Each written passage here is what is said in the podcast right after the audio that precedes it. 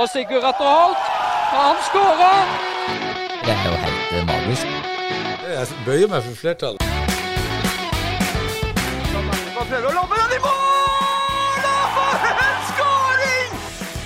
Agderposten på ball.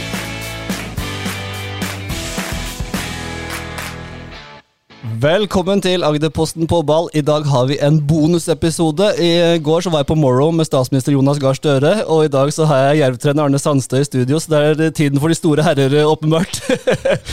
Men vi har i hvert fall jervtrener Arne Sandstø i studio, og vi har en lang liste med spørsmål og ting vi lurer på med jerv og alt som er. Det er 2016, i januar, kom du til Jerv, Arne, og det har skjedd mye siden den gang, men jeg leste jo i starten da at eh, du skulle sette ditt preg på klubben og ditt preg på spillet. Det har gått mange år, og eh, kan kan vel definitivt si at du har gjort det? Eh, Ja, fall har iallfall vært delaktig i det. Selv om det er mange andre som skal, skal dra i samme retning. Men, men jeg håper jo at, at en del ting har satt mitt preg på. Spesielt, jeg tror spesielt eh, kjelleretasjen på klubbhuset eh, tror jeg er veldig, veldig i den retningen som jeg ønsker at vi som vi få ledere som er der, skal, skal være inn mot en, en prestasjonsgruppe. Så jeg tror og håper at, eh, at det er en del som har fått med en del kloke ord. Vi skal prate litt om nåtiden, det som skjer nå. Vi skal prate litt om din historie, litt om åssen du har eh, funnet deg til rette i Grimstad. og er nå, Det er jo kun Christian Mikkelsen i KBK som har vært lenger enn deg sittende i Eliteserien. Er, eh, Det er langt ned til nummer tre, Kjetil Knutsen. Hva er hemmeligheten for å sitte lenge i en sånn rolle? Jeg tror at uh, man må være uh, først og fremst uh, kanskje litt dus med klubben. Eh, I forhold til hvor klubben vil, og hvor fort klubben vil. Eh, eh, jeg har vel sagt en gang før at jeg kunne sikkert vært i Start ennå, etter jeg trente Start. Det var ingenting gale der i det hele tatt, men jeg holdt et helt annet tempo. Jeg var altfor utålmodig, og klubben var kanskje litt for laidback i forhold til ta steg videre. Så jeg tror den balansen der må, må stemme, og da er det viktig måte at du har folk i klubben som, som skjønner hva det går i, og vet hvor lang tid ting tar. Eh, og, og at man jobber sammen der. Jeg tror den, er, det, er det harmoni der, så er det mye større sannsynlighet for å, for å overleve. Vi overlever jo vi eh, lengre enn eh, enn andre som på en måte lever på en helt annen planet enn arbeidsgiveren sin. Det er ikke lett. Ja, så handler det om noe å treffe på miljø, treffe på by og, og sånne ting også, regner jeg med, å finne seg til rette. Ja da. Eh, jeg har nok eh, en litt annen holdning enn en del andre i forhold til at jeg syns jobben min er helt lik. Jeg, om jeg hadde vært i Odd eller vært i Vålerengen eller vært her, så skjønner jeg det at det er mye større klubber og det skjer mye mer, men jobben er jo isolert sett veldig mye ganske lik. Eh, og det handler om å få folk med på de tingene man tenker, eh, både på og utenfor banen. Så, så isolert sett er jobben ålreit.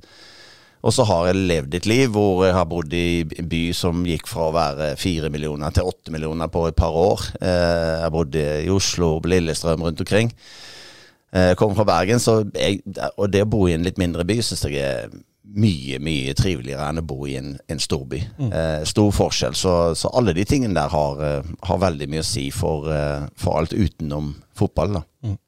Vi satt her nå før sending og prata litt løst, og du sa, sa at jeg hadde en del spørsmål, og du sa kjør på, bare bank på. Og da skal jeg bare begynne rett på med det spørsmålet som flest folk stiller meg. Når jeg er på jervkamp og utenfor Jervhuset eller i byen, så spør de meg Men Øystein, hvorfor spiller ikke Felix Skjøter? Det skjønner jeg. Eh, så, så er alle spillerne har, har forskjellige kvaliteter. Eh, og alle de som følger med Jerv, vet at eh, når vi fører kamper og vi trykker på og vi har masse aksjoner i og rundt motstander 16-meter, så er Felix en luring. Både, både med og uten ball. Eh, han er sterk, han er flink til å vende opp, han er flink til å angripe rom uten ball, som gjør at han eh, orter skåringen mot Molde, f.eks. Fantastisk. Det er enkel bevegelse, men han, han gjør han. Eh, det er ikke alle som gjør det. Så, så eh, de kampbildene altså er Felix god. og Han har kommet inn på en del av de kampbildene hvor vi kriger og jager og vi, vi skal ha skåring. Eh, og så er det andre kvaliteter som, eh, som andre ligger foran ham på, i form av Vi kan se siste kampen vår mot Sarpsborg, som vi er, vi er veldig mye bra i 45 minutter. Og så legger vi oss ned og dør i andre omgang. Eh, hvor vi er passive, vi står, vi løper ikke. Og der er Felix også for lik de andre. Eh, og de andre har, har, større kvaliteter på en måte i en åpen fotballkamp enn enn det, det Når Schrøter har sin fordel eh, lengre, Jo lenger frem du kommer, jo bedre er det. Spiller du på trening, spiller du på en liten bane, så, så er Felix mye nærmere målet. Da er han mye bedre. Spiller du 11 mot 11, så er det mye mer rom som skal dekkes før man kommer så langt. Eh, og der er det andre som er bedre. Så det, det er litt eh, Vi skulle gjerne hatt én spiller som hadde alt, mm. men, eh, men, det har vi ikke. Han er jo den spilleren, ifølge statistikken, tredje mest effektive spissen i, i Eliteserien ut fra minutter spilt. Men har det med at han kommer inn på de tidspunktene, da, eller? Da skal du huske det at, eh, at det her er media og statistikk. Eh, når jeg kom til Lillestrøm fra Da jeg hadde vært i Berlin, så kom jeg til Lillestrøm på høsten, og da spilte jeg eh, Eh, jeg kom inn og spilte fast etter hvert, men i første perioden så var jeg, eh, var jeg backup for Ronny Johnsen. Han var, var, spiss på Lillestrøm, og han var stoppa på landslaget. Og Da kom jeg inn i siste kvarteret i, til begynne med dette her, og var frempå og puttet. Og det var akkurat samme der. Da var jeg den mest effektive spissen i, i, i Den var jo på langt nær den beste. eh, altså Hadde jeg spilt 90 minutter, så hadde verden sett helt annerledes ut. Så det er sånn de som spiller mindre, men har, eh, har, eh, har skåringsteft og, og, får mulighetene, de, de, får den statistikken her. Så det er all kred til, til, Felix og Jerv og hele gjengen i forhold til akkurat det.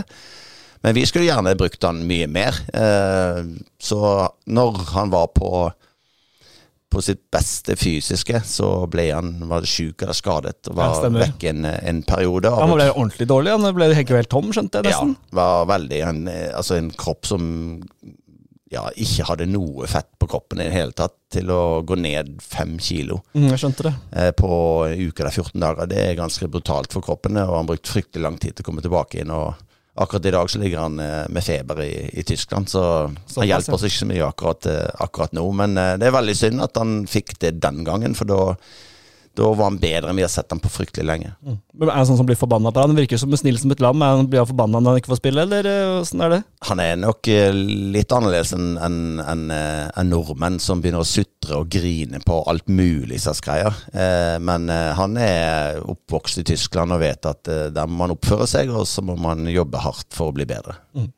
Nei, Det er eh, mange som liker Felix Schøter, og det er jo fordi han har dette snittet. Men er kanskje vi, vi i media er kanskje for glad i statistikk også. Da. Det kan jo ha litt med det. Blir, det sånn, blir man frustrert når man ser noen overskrifter og, og Nei, jeg syns det er bare gøy. Det er gøy for Felix å få den statistikken og dette her. Og det, det, er, jo, det er, jo, det er jo gøy for Jerv òg. Mm.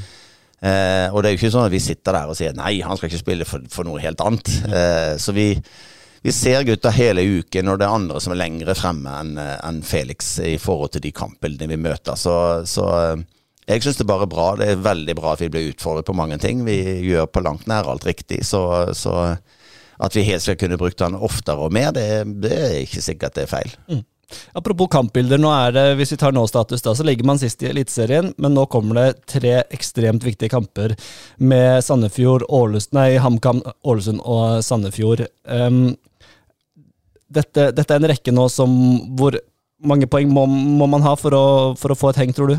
Vi må hale ni, tror jeg. Mm. Eh, vi møter både tøff motstand seinere òg, men jeg tror at vi, vi, må, vi må ikke bare ta poeng sjøl, men det å hindre andre å ta poeng og få enda større avstand til oss, det, det tror jeg det, det Altså, vi, vi, må vinne. Vi går for å vinne, og planen er å vinne de kampene der. og Eh, klarer ikke vi det, så er ikke vi gode nok. Klarer vi det, så er det rotterace i den siste perioden der. Mm.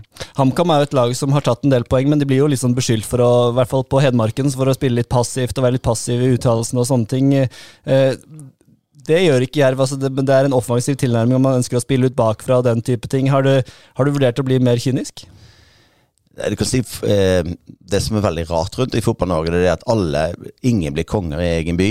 Eh, så der er man kritisk, og man rister på huet og sånn og sånn. Men når du reiser rundt i landet, så blir du hyllet rundt omkring. Fordi at det er Folk mener at HamKam er ikke gode nok, vi er ikke gode nok, men at vi er et sted hvor vi egentlig ikke skulle være. Fordi at vi er mye mindre enn de andre. Men eh, HamKam eh, har klart seg bedre enn oss fordi at de har hatt et bedre defensivt fundament. Eh, og det hadde de også i Obos når de rykket opp. Eh, så de har vært eh, veldig solide, men de, de, vinner ikke noe mer kamper enn oss. Men eh, de, har en, de, har ekstrem evne til å klare å hente inn den uavgjorten. Mm. Eh, så, så det, det, vi må det som har vært veldig bra med HamKam, det er det defensive fundamentet. Offensivt er det ymse. Det er problemer akkurat samme som vi hadde til å begynne med sesongen. Jeg har, har spionen Ståle Solbakken, han sitter og ser på alle kampene. Jeg har god kontakt med han, og det er veldig like kampbilder som, som, vi, som vi har hatt. Du har god kontakt med Ståle, ja?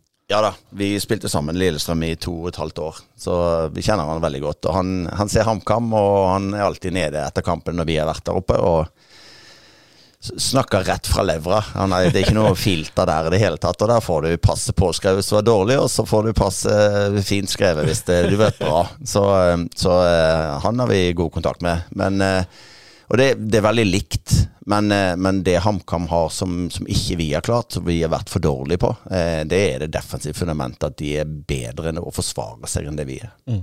Ja, det, det har vært litt sånn, eh, litt sånn Du kan ta en liten taktisk prat. Altså, Trebekslinje kontra firebekslinje. Altså, det er jo en del sånne strukturelle grep. Og, og midtbanen der, så hvor, eh, hvor man har kanskje ikke fått taket på midtbanen. Det har kommet veldig mye trøkk på eh, stopperne. Eh, det har også de sagt, Norheim, i, i intervjuer til oss også, at de trøkker på de. De føler at de får veldig mye bølge på bølge.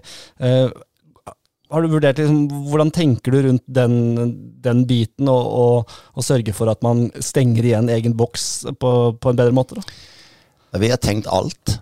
Eh, vi har spilt med fire, vi har spilt med tre, vi har spilt med fem. Eh, vi har spilt med to på midten, vi har spilt med tre på midten, vi har spilt med fire på midten. Eh, vi har spilt med tre fremme, vi har spilt med én fremme, vi har spilt med to fremme. Vi ligger eh, Sist gang så ligger vi med unntak av spissene. Vi ser en halv spiss, han la ikke så langt nede, men ligger vi med ni mann rett foran egen 16-meter og er for passive og klarer ikke å, å forsvare oss. Eh, og da da eh, vi, vi, vi som går på oss, eller på meg som har hovedansvaret, så har ikke vi klart å få den tryggheten. Eh, Vi, vi løper for mye etter, og da klarer de å lure oss og åpne rom så de er veldig flinke til å spille inn i. Istedenfor å være roligere, mer rutinert og stå rolig, og så får du på sida, og så kan vi gå hardt og presse på sida. Da blir vi litt passive, og vi blir litt enkle i forhold til at vi følger etter. Eh, og så går det på individuelt i forhold til at eh, at det er ikke for mange som har stått frem per nå eh, baki der. Vi håpte at eh, de fleste skulle gjøre det. Eh, så, så vi har faser i spillet hvor, hvor noen er sterkere enn andre, men eh, sånn bunn og grunn, han som har imponert mest, det er vel Jonna som, eh, som er der. Så, så eh, eh, igjen, HamKam er flinkere enn oss der. Jeg vet ikke om folk husker eh, hjemmekampen vår mot HamKam det året man rykker opp. Eh, vi taper 2-0. Vi har ballen nesten i 80% av tiden. Eh, Kjell Rekdal går av bane og sier her blir bra, det er sånn som dere holder på her nå, det blir bra. Men de vinner forholdsvis enkelt, da, selv om vi har ball i 80. Men de er store, sterke, trygge i å stå ekstremt lavt. Eh, og, og klare å forsvare seg på den måten. Det klarer ikke vi. Eh, der er ikke vi i nærheten av å være gode nok. Eh, og det er på en måte kanskje den tingen jeg savner mest i år. Det er jo, det, det, apropos spillestil, og det er jo litt sånn, jeg vet ikke om du hører det på Revbyen, men jeg har jo gått mine barnebein der, og det har alltid vært sånn at kommer det en støttepasning på egen halvdel, så nei, nei, nei, nei, da får man liksom høre det. Og det er jo litt sånn når vi sitter på tribunen nå, du, dere velger å spille ut bakfra, kort på fem meter osv. Eh, skjønner at det er en plan bak det, men da kommer også ofte disse nei, ikke igjen! Eh, er det liksom eh, Blir man påvirka av det, eller for jeg regner med at du får det med deg, du også, når du sitter Ja da. tribunen der? Eh, han som roper høyest når eh, Øystein slår en tometerspasning inn i egen 16. Det er jo styreformannen. Det, det er PG. Da, nei! og den kommer, kommer 50 ganger i kampene. Så, så PG er sjef for veldig mye, og jeg har veldig godt forhold til PG. Men akkurat hva som skjer ute på banen, det må vi ta oss av. Men det er klart, alt handler om variasjon. Eh, og så, så, så har vi Hvis du går gjennom andre kamper Jeg blir litt overrasket når, når folk sitter og ser på landskamper, de sitter og ser på veldig mange ser på engelsk fotball, at de spiller seg ut inn i egen 16-meter, uansett hvilket lag det er. Spiller ingen rolle hvilket lag, alle gjør det. Så det er jo en sånn her eh, I fotball, og sikkert idrett generelt, og livet generelt, så handler det om at hvis du, hvis du har et par baki der som er veldig utrygge, så må du gjøre det enkelt for dem, og gi dem enklere valg. Eh, gi dem veldig tydeligere valg. At ok, vi skal rett ut på høyre stopper, han skal klinke den inn bak. Har vi prøvd noen ganger. Eh, fordi at motstanderen står høyt og presser oss. Eh, Da kan du forenkle litt, men så har du noen som er lengre fremme i banen, som, som, eh, som er bedre eh, individuelt sett i forhold til det å spille oss ut bakfra, som, eh, som du kan gi litt flere valg i forhold til risikomåling her. Eh, og så kan du egentlig bare si det at nei, vi skal, klinke, vi skal opp, vi skal bare frem og så klinke, og så, og så jager vi på en annen ball høyt opp i banen. Det er vurderingene, men jeg tror det at vi har, vi har kommet der vi er, fordi at, eh, fordi at eh, vi har øvd på noe. Eh, fordi vi har spilt sånn. Og egentlig de årene vi var aller, aller best Nå var vi bra i 16, vi var bra i 17 i forhold til spillemessig, i forhold til å styre kamper og trøkke motstanderne bakover den biten der. Så bortsett fra 16, og så de to neste årene, så resultatmessig var det for dårlig. Eh, eh, men, men spillemessig så var det veldig mye bra. Og så kom det noen, noen år som hvor vi rett og slett er dårligere spillemessig, men vi klarer å vinne kamper. Og det handler om at vi fikk mer individuelle ferdigheter fremover, og bedre spillere fremover. Så det, det er alltid en balansegang i forhold til kvalitet, og i forhold til, eh, til hva hvordan laget skal opptre. Så det handler om en risikovurdering, og jeg er helt sikker på det. Hvis du går gjennom statistikk i morgen, så finner man eh, to-tre goller som man kan kanskje skylde på at man har spilt ut bakfra. Men du finner ekstremt mange angrep, og kanskje en del av de angrepene har skapt mye fremover i form av det. Så jeg tror regnskapet går bra opp for de fleste lag. Men det er klart at når man spiller sånn, eh, ser det andre lag i Eliteserien også, så får jeg veldig juling i forhold til at det blir gjort noe feil, gjort noe pasningsfeil. Og eh, jeg, en, altså når, Hvis vi skal ta et mål hos oss, da, når vi spiller mot Molde, eller jeg tror det er Molde hvor Wickman skal spille til Leo, så er det misforståelse, og så skårer eh, Nei, det var Bodø-Glimt, kanskje. Det var Bodø-Glimt, ja. Ja, Stemmer det. SPO skårer det. Men eh, så er ikke det en sånn stor risikovurdering. Altså, I forhold til frispill eh, Mathias står der. Han har spillere som er, som er fire og fem meter vekke fra han. Så er man orientert og spiller fremover, eller spiller i form av det sånn som vi ønsker å spille, så er det ikke noen stor risiko. På trening så spiller vi mye mindre områder. Eh, og det, det handler jo om at man skal kunne tilvenne seg i tempo, man skal være, være mye flinkere til å orientere seg. Derfor spiller vi på trangere rom på trening, at alt skal gå fortere. Eh, og når vi spiller på kamp, så, så har man faktisk mye mer rom enn man har på trening. Eh, så det bør og kunne være en sånn forløsende effekt. Så, så de fleste spiller eh, sånn nyanser i fotball, så går det mer på balanse når du angriper sjøl. Eh, se på de store lagene, Manchester City, de går inn med bekkene. Eh, se på Bayern München, selv om Bayern München har fått dårlige resultater, men han gjorde det bra i fjor, så, så ligger de med en toer og treer eh, for å ta ut kontringspunktene, og så er de høyt med, høyt med andre spillere. Eh, så det handler litt om, om eh, hvordan få frem det beste i de spillerne vi har. Eh, og så kan man si at jeg har hentet de, og det er helt riktig. Men vi kommer til å prøve når det er rom til å prøve. Men, men det hender det at vi prøver når vi ikke burde prøvd, og burde gjort det enklere. Helt klart. Det er jo utrolig interessant. Jeg kunne stått og prata om spillestil lenge, men fra spillestil som du nevner, til spillere, da, for det har jo vært en ganske sånn Vi kom etter sommeren her, så plutselig er det fem nye i elveren som ikke har vært der før sommeren. Eh, Det må jo også være utrolig krevende for en trener å, å sette inn det. Sånn som Jeremy Seinche, da, som kom inn helt på tampen, rett inn i elveren. Eh, fem nye spillere der. Åssen er den vurderinga fra deg å gjøre så store endringer på, på den elveren? Det, du kan si at eh, eh, akkurat eh, i en, i, en, i en sesong hvor du har lagt midt på tabellen, så hadde nok ikke sånt skjedd. Eh, men i en sesong hvor vi kjemper for å overleve. Eh, alle vi som er i Jerv eh, hele tida, vi, vi kjemper for å overleve. Og da må vi prøve. Eh, sommervinduet er på en måte en erkjennelse på at vintervinduet var for dårlig. Der var vi, var vi for passiv som klubb. Vi var ikke i nærheten av å holde eliteserienivået i det hele tatt. Så sommervinduet ble mye viktigere. Eh, og og eh, altså, for meg så er jeg, jeg, jeg syns det er utrolig gøy. Eh, jeg skulle vært sånn integreringsminister. Men å få opp eh, Se på hvem er som er livlig, hvem er som glimt i øyet, hvem er som er fremoverlent, hvem er som vil Det er, det er utlendingene, det. Er det lov å si utlendinger? Det er, Det er lov. Ja. Ja, det er lov. Eh, som er fantastisk gøy å jobbe med. De, de vil, og de noen er rotehuer, noen er ditt og noen er datt, men de står på og jobber og vil.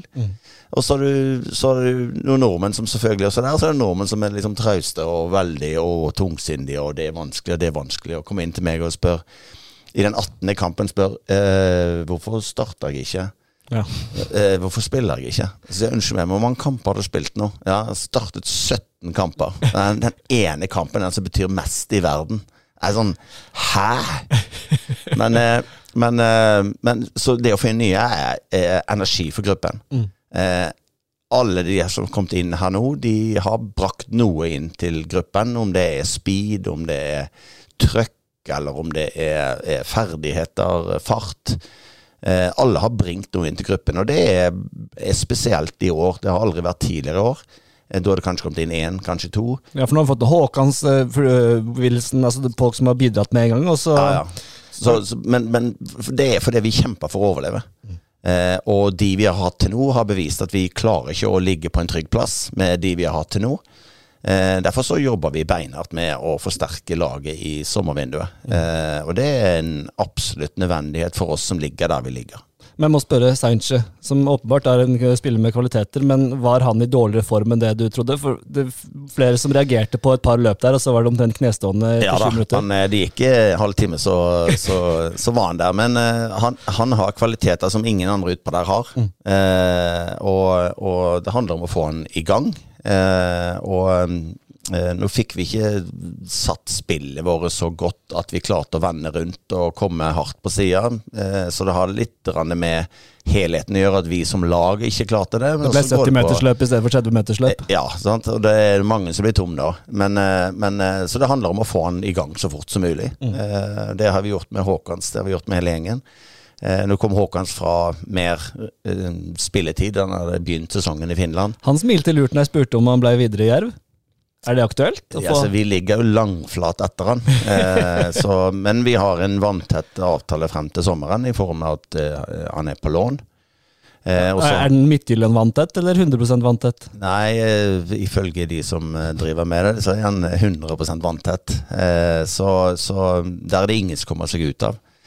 Så vi i disse dager så har vi holdt på i en måned, prøve å kjøpe han eh, Prøve å på en måte, hva sier man, bruke den opsjonen vi har. Eh, hvor fleste parter er villige, men det er noe sånn eh, kontraktstekniske ting som skal til i forhold til agent og dem og agent og oss og hele den pakken der. Så det, er, vi, det står ikke på oss. Eh, Jeg tror, jeg tror også det har vært læring for, eh, for Jerv som klubb å se at hvis vi investerer litt, så får vi plutselig mye bedre kvalitet enn å ikke investere noe og få litt mer usikkert eh, kvalitet eller nivå på, på de vi henter. Så, så jeg tror Håkons har vært eh, en liten sånn eh, øyeåpner for, for noen. Og han har blitt en eh, publikumshit allerede på rekordtid. Det skulle bare mangle. Mm. Så de har ringt meg fra, fra diverse klubber i Norge. Eh, Jeg tror, jeg tror ikke vi får beholde han. Jeg tror det Hvis vi får kjøpt han og får solgt han, så kan det være bra butikk for Jerv.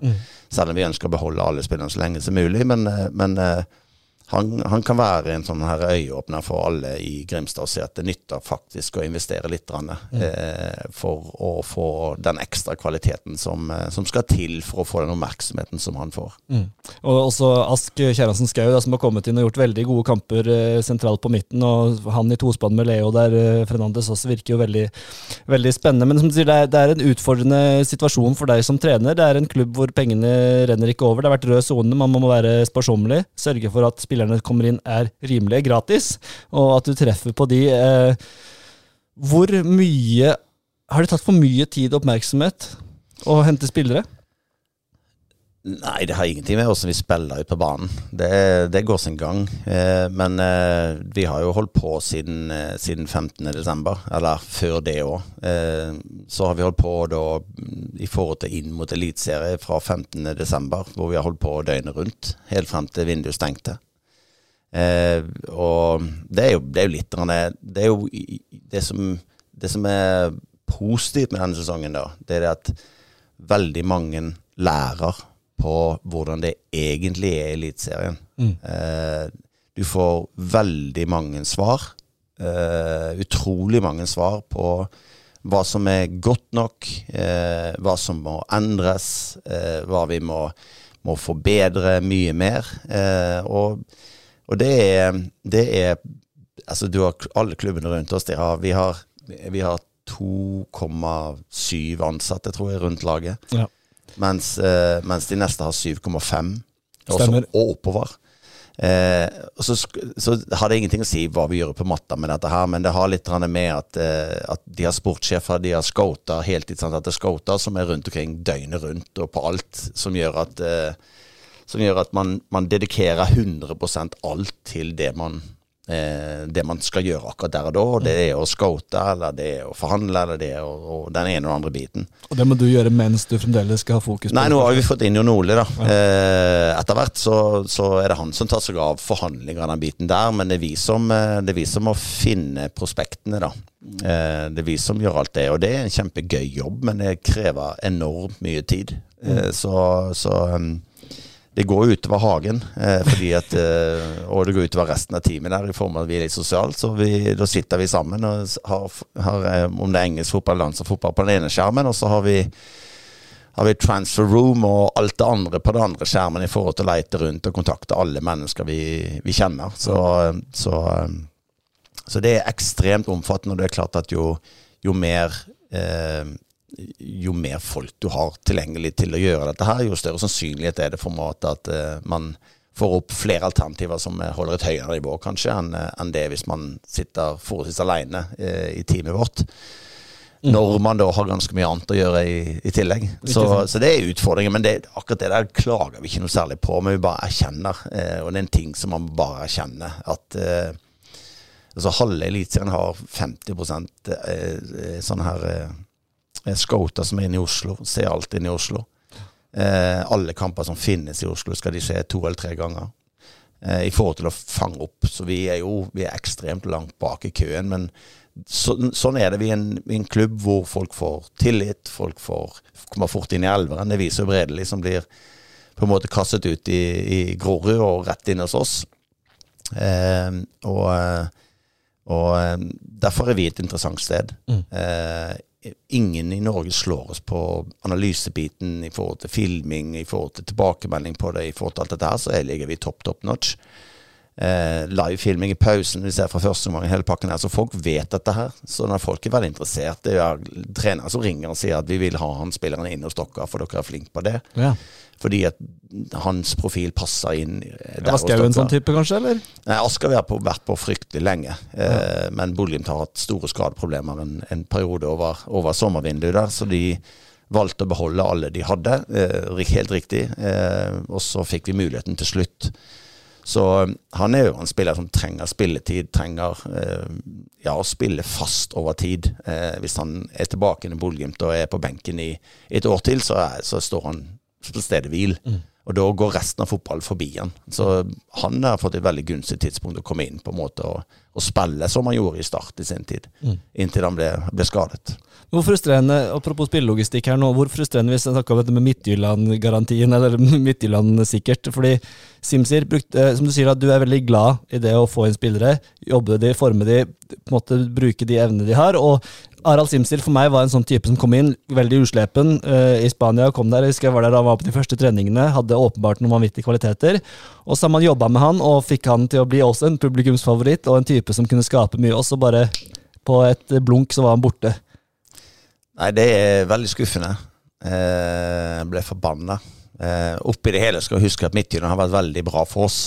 Eh, og hvis vi kan holde et godt forhold til Midtjylland, så er det fantastisk bra. Men så er det avtaler der igjen med Midtjylland har med agenter. og Jerv er ikke den mest profilerte klubben. Eh, og spillere som aldri har hørt om knapt Norge, men iallfall ikke Jerv, eh, som får tilbud om å, om å spille hos oss, så er det en tyngre prosess enn om det hadde vært eh, Rosenborg, Lillestrøm eller Vålerengen. Eh, så, så, eh, så da ble det gitt en lovnad til agenten at hvis agenten fant en større profilert klubb, så skulle de i sommervinduet kunne de være behjelpelig med det. Ja. Eh, så at det er ikke noe som Midtjylland sjøl har ønsket veldig sterkt. Eh, for det at Midtjylland er ikke dummere enn at de skjønner at sannsynligheten for at han spiller hos oss kontra Lillestrøm er ganske stor forskjell. Ja, for det er der, er ikke, det er der min logikk brister, da. Ja, men det har vært noen lovnader på veien eh, i Danmark med agenter den biten der, så det er nok et valg som agent og, og, og Simsir eh, tar. Eh, men så kan man si at man er overrasket at, at Midtjylland lar det skje, fordi at gutten er 25-30 millioner. Eh, så bør det kanskje styre enda mer. Mm. Eh, så istedenfor å ha spilt la oss si, de siste 15 kampene våre, så han har spilt 10, så reiser han til Lillestrøm og spiller ti minutter i hver kamp. Så er det han kommer ikke til å starte kampen, nei, så er det en utrolig stor forskjell. Mm. Og for Simsirs del, så ferdighetene det trenger ikke å diskutere, de er helt enorme. Men han må lære seg å spille voksenfotball. Det har han knapt gjort før han kom til oss. Så det er klart at de 10-15 kampene han har fått hos oss, de hadde vært ekstremt verdifulle i forhold til å vokse opp. Og det altså, Simsir er, er en som elsker fotball. Det var gøy å se han i Spania når han kom. Ja, ja. Kan gjøre hva han vil.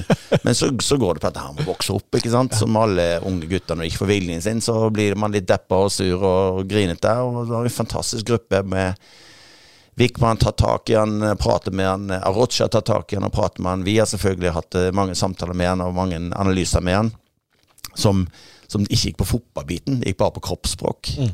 Uh, I forhold til det å funke med resten av laget, den biten der. Så Harald eh, har, har, jeg fortsatt kontakt med. Han er kjempehappy med tiden han hadde her, men det er klart litt forlokkende og kanskje dobbel lønn, så har det mye å si for en, for en ung sjel. Ja. Nei, Det var eh, selvfølgelig eh, frustrerende om man skjønner det, men det var jo frustrerende for Jerv-supporterne også å, å, se han glippe, selvfølgelig, som var ja, en så artig spiller å se på. In. Ingen ønsket det. Nei. Det er så mye jeg har lyst til å spørre deg om. Tida går fryktelig fort her nå. Men uh, du Jeg er ikke hastverk. Har du ikke det? Nei. Jeg trodde du skulle Nei, Fantastisk, da blir det et par timer, da. Nei, men det, du nevner, Da tar vi det, for det, du nevner jo Arocha her. Um, og Både Arocha og Furtado er jo spillere som var med å spille Jerv opp i Eliteserien, og er, har, et, uh, har, en plass i Jerv-supporternes hjerte. Um, og mange er veldig overraska over hvordan det på en måte plutselig har snudd, både med Furtado og med Arocha. og denne utlendingskvoten hvor de på en måte blir um, oppleves da utenfra, skjøvet litt ut i kulda rett og slett, og, overlatt litt til seg selv. Eh, kan du si litt mer om, om, prosessen rundt de to spillerne som har vært så sentrale i det du har bygd opp, eh, og så plutselig er de borte? Altså, vi lever jo vi, altså, vi lever jo i en ekstrem prestasjonsverden. Eh, og det handler om å prestere, og det handler om ting som er større enn meg. Det handler om ting som er større enn spillerne. Det handler om jerv.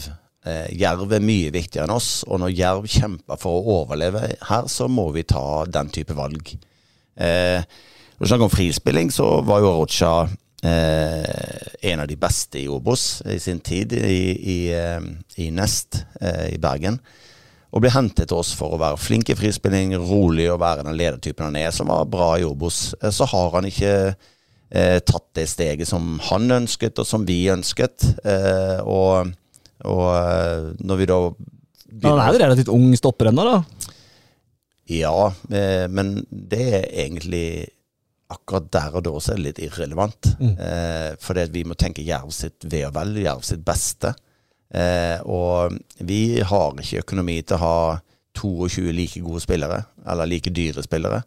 Uten at noen av våre er noe stort dyre. Men, eh, men eh, vi har ikke råd til det. Derfor må vi få maks ut av de 16-17, og så må vi ha et par, par, unge og, og noen lovende eh, i tillegg til de, eh, for å få for å være konkurransedyktig, iallfall med de beste elleve. Eh, og når det ikke presteres, så, så, jobbes det intenst med alle spillerne. Ingen jobbes det verken mer eller mindre med. Alle får eh, huet og ræva i forhold til eh, tilbakemelding på hvordan, hvordan, vi ønsker spillet skal være, hva de må prestere, hva vi forventer, og hele den biten der. Så den jobbes vi kontinuerlig med. Men noen, noen eh, kommer på et nivå hvor det er rett og slett for høyt nivå.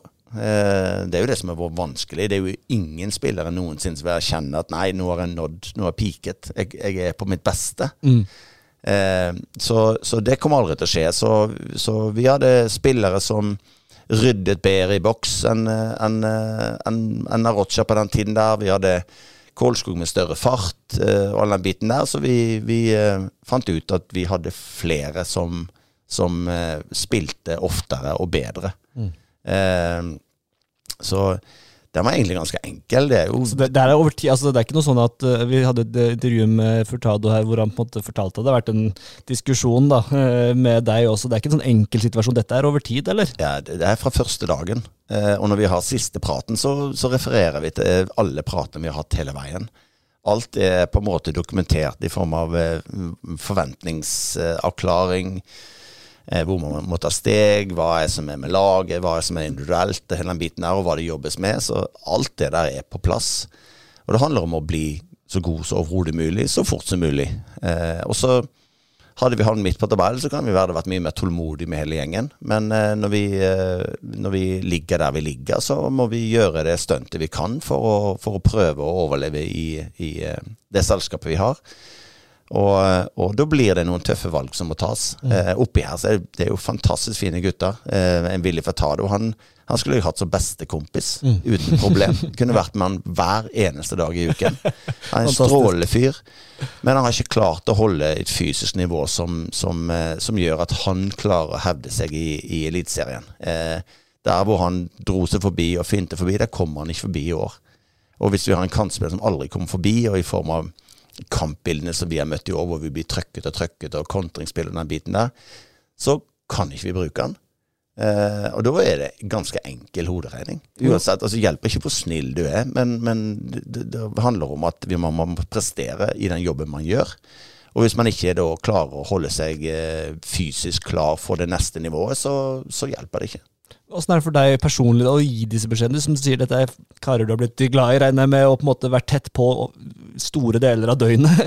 Eh, å gi disse beskjedene, det må jo være Det er litt delt, fordi at, eh, fordi at eh, du blir glad i dem, og du håper hele tida, men du blir skuffet når de ikke tar de stegene som man bør ta. Mm. Eh, og så skjønner jeg at det er individuelle forskjeller. Noen tar steg fortere enn en andre. Men eh, vi blir skuffet. Men jeg snakker ikke om når jeg snakker med Willis eller Rocha eller hvem det skulle være, så snakker jeg om fotballspilleren. Jeg snakker ikke om personen. Mm. Eh, selv om noen ting går inn i hverandre, så snakker vi om fotballspilleren. Og, og, og eh, Arocha har vært helt strålende hele veien, i form av at eh, han, han, kjenner fotballen, han skjønner eh, hva som skjer, og, og, klarer å lese hva som skjer. Og når vi har den inne på, på der, så sa han at jeg bare venter på at dette kommer til å skje. Mm. Fordi at sånn er det i fotball. Eh, han kommer bort der borte og er uheldig i første kampen, og så er rødt kort, men så kommer han ikke inn i når karantene er. Det er name of the game. Mm. Eh, det må presteres, og det, det ja, det må jeg si. Rocha som, han hadde jo på en måte Jeg forventa kanskje skulle bli den der store lederen i Jerv kanskje i fem, sju, åtte, ni år framover. Det var derfor han kom. Mm. Og så nå var det nok, og det var veldig trist å se starten. Han fikk i Mjøndalen. Nei, jo, men det gjelder ikke bare Rocha, det gjelder jo hele troppen vår. Mm. Så handler det om at, eh, at, eh, man må ta det neste nivået. Og hvis man ikke tar det neste nivået veldig fort, så, så kommer klubben til andre valg. Mm. Uh, og det er beinhardt, men sånn er det. Mm. Litt andre spillere, nå prater vi med de som er eh, borte, men vi prater de som er der også. Du den som nevner i stad, har lyst til å prate litt om, for det er en spiller som jeg lar meg både forføre og begeistre og alt av. Det er jo Jon Ola Norheim, Jonna, som, som, hvor du snakker om å ta det neste nivået. Da. Han kanskje er den fremste på akkurat det å på en måte ta et nytt nivå, og, og står fram kamp etter kamp. Jeg vet ikke om du leser spillebørs, gjør du det? Nei. Nei. Jonna får jo ofte veldig gode børskarakterer, både hos oss og Skrivs Arresttiden og hos andre. Eh, men si litt kjapt om han som type, og hvordan han preger det laget. For han er jo, han er jo en, en sindig kar, men samtidig ekstremt på og er en spiller som En sånn hærførerfølelse. Mm. Han, han altså, toppet det, men han toppet det med at han ble kåret til årets spiller av spillerne. Eh, og hvis vi så på prosentene på hvem som spilte når vi vant, så lå han desidert høyere enn alle andre. Så Jonna er jo, det, som er, det som er kanskje Jonna sin sterkeste side, det er at han er ikke bekymret for noe. Jonna har funnet en plass i livet hvor han har, en, han har, ja, han har to jobber. Eh, han, har, han, har, jobb, han har framtid på utsida. Han har fått en, en, familie, han har fått et flott hus, han har fått barn. Eh, han har familie rundt seg som hjelper dem med, med alt i forhold til han skal kunne leve, leve det livet han lever. Mm. Så Jonna har Jonna har kommet til stedet livet som veldig mange andre ikke har. Som stresser og kaver i forhold til å tro man er bedre enn man er, eller ditt eller datt, og håper man blir sånn og sånn. Jonna har funnet seg sjøl, han. Eh, og det preger han veldig på måten han spiller på. Mm. Hvor andre eh, makkere der som kanskje ikke er her lenger, kryper inn i seg sjøl og blir veldig forsiktig og spiller kamper hvor vi slår 95% pasninger tilbake til Øystein istedenfor å spille fremover. Så Jonna spiller bare bedre og bedre. Mm. Eh, Jonna får ikke noen annen oppbacking enn noen andre. Eh, Jonna har forståelse for oss. og vi hadde en prat før sesongen i forhold til at, eh, at eh, stopper var liksom det som eh, han ønsket mest. Eh, eh, jeg glemte egentlig å si sted, det har ikke bare med Jonna å gjøre, men det, vi gjør jo ingenting alene. Vi gjør det samme med spillergruppen. Mm. Og det er klart at hvis spillergruppen, hvis forsvarsfemmeren eller treeren sier vi er veldig trygge når vi spiller sånn som dette her, så hvorfor skal vi endre på det? Eh, men det er klart at hvis det ikke funker, så må vi endre, gjøre en endring. Eller bytte. Men, eh, men eh, Jonna har vi en veldig fin dialog med. Eh, han, er, han har vært hele veien fra dag én han kom, så, så har han vært solid. Han er en vinner. Eh, han klinka til. I går så, så har han i går på trening så hadde han sånn Jan Terry-greie hvor han kasta seg ned bare Blokke med hodet. ja, ja, heldigvis ikke huet, men eh, det må vi være forsiktige med. Men, Ja, men han, er- han, er- han, er, han er bare Jeg snakker med han og sier Jonna, vet du hva, i dag må du spille spiss. Ja, greit. Mm. Og så ikke ingenting. Og så en annen gang så er det liksom Jonna, vi må ha det sånn to dype. Greit.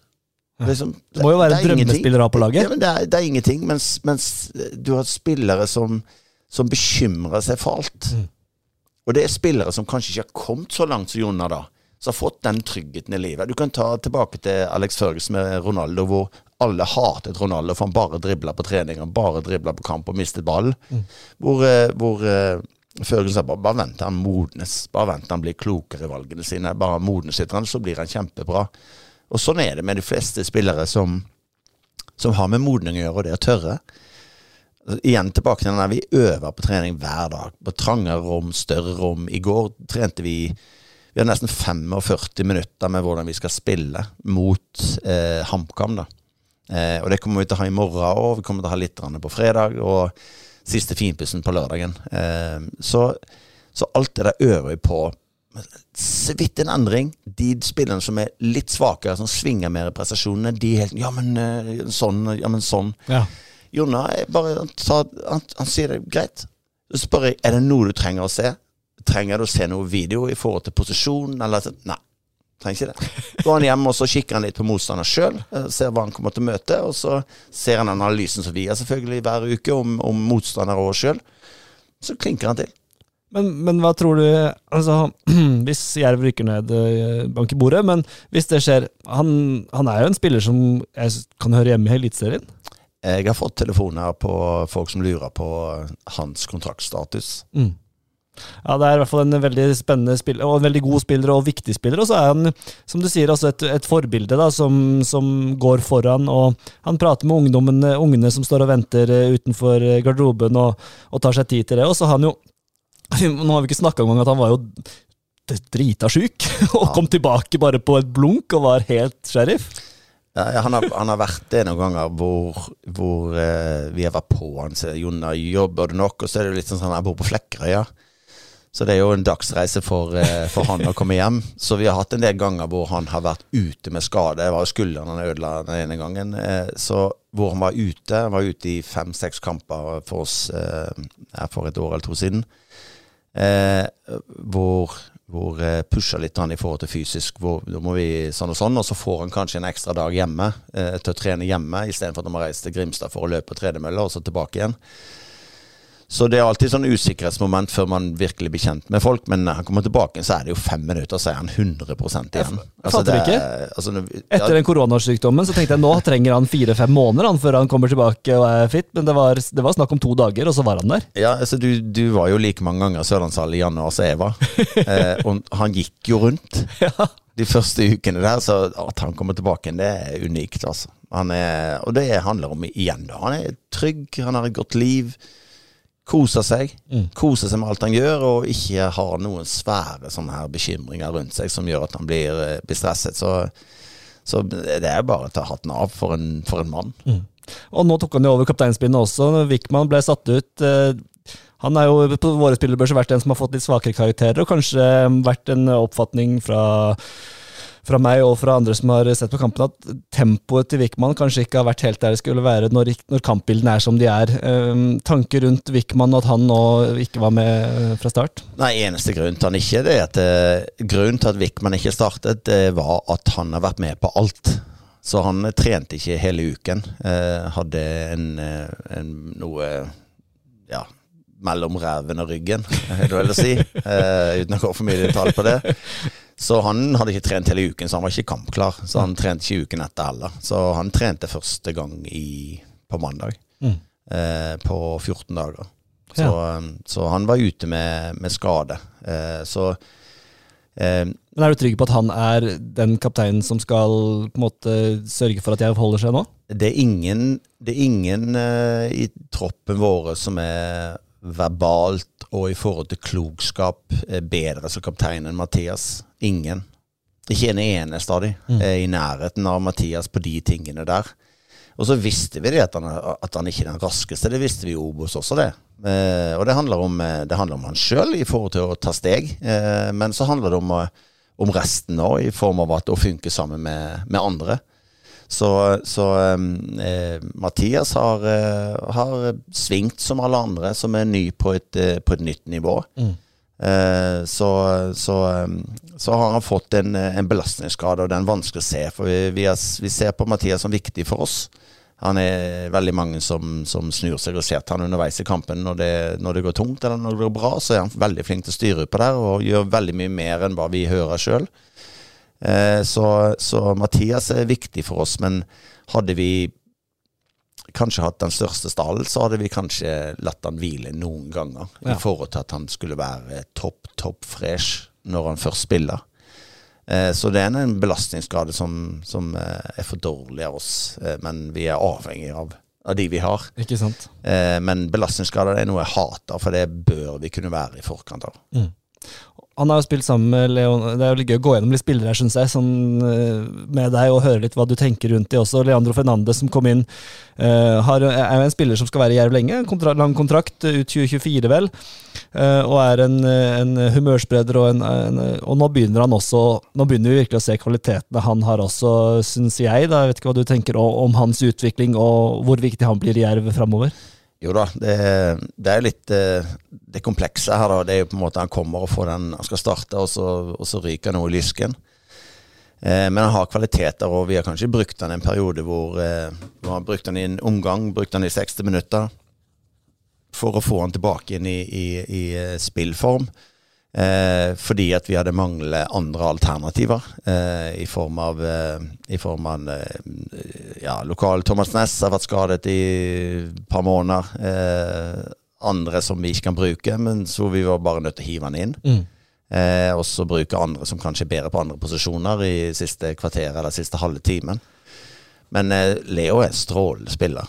Er fantastisk god. Han har oversikt. Uh, han er også bare modnes. Han er en guttunge. Uh, ja, for Der kan vi snakke sånn opp mot Jonna, da, for eksempel, for der han, det han har vært gjennom i livet sitt med både altså Han har blitt rana av venner, og dette har han fortalt åpent om, så det er dette er ikke noe hemmelig, men, men har på en måte hatt en, en, tid hvor han har vært kjempetalent, sant? og folk rundt og utnytta han. Eh, kanskje stikk motsatt av der Jonna er i, i, i, livet sitt. Ja da, og det, det er litt sånn sånn folk kanskje bør tenke litt over det når de sitter hjemme, om de ser oss eller de ser engelsk fotball eller hva enn de gjør, så er det mange, mange mange spillere der som kommer fra grusomme kår eller kommer fra grusomme forhold, som har eh, stor bagasje med seg.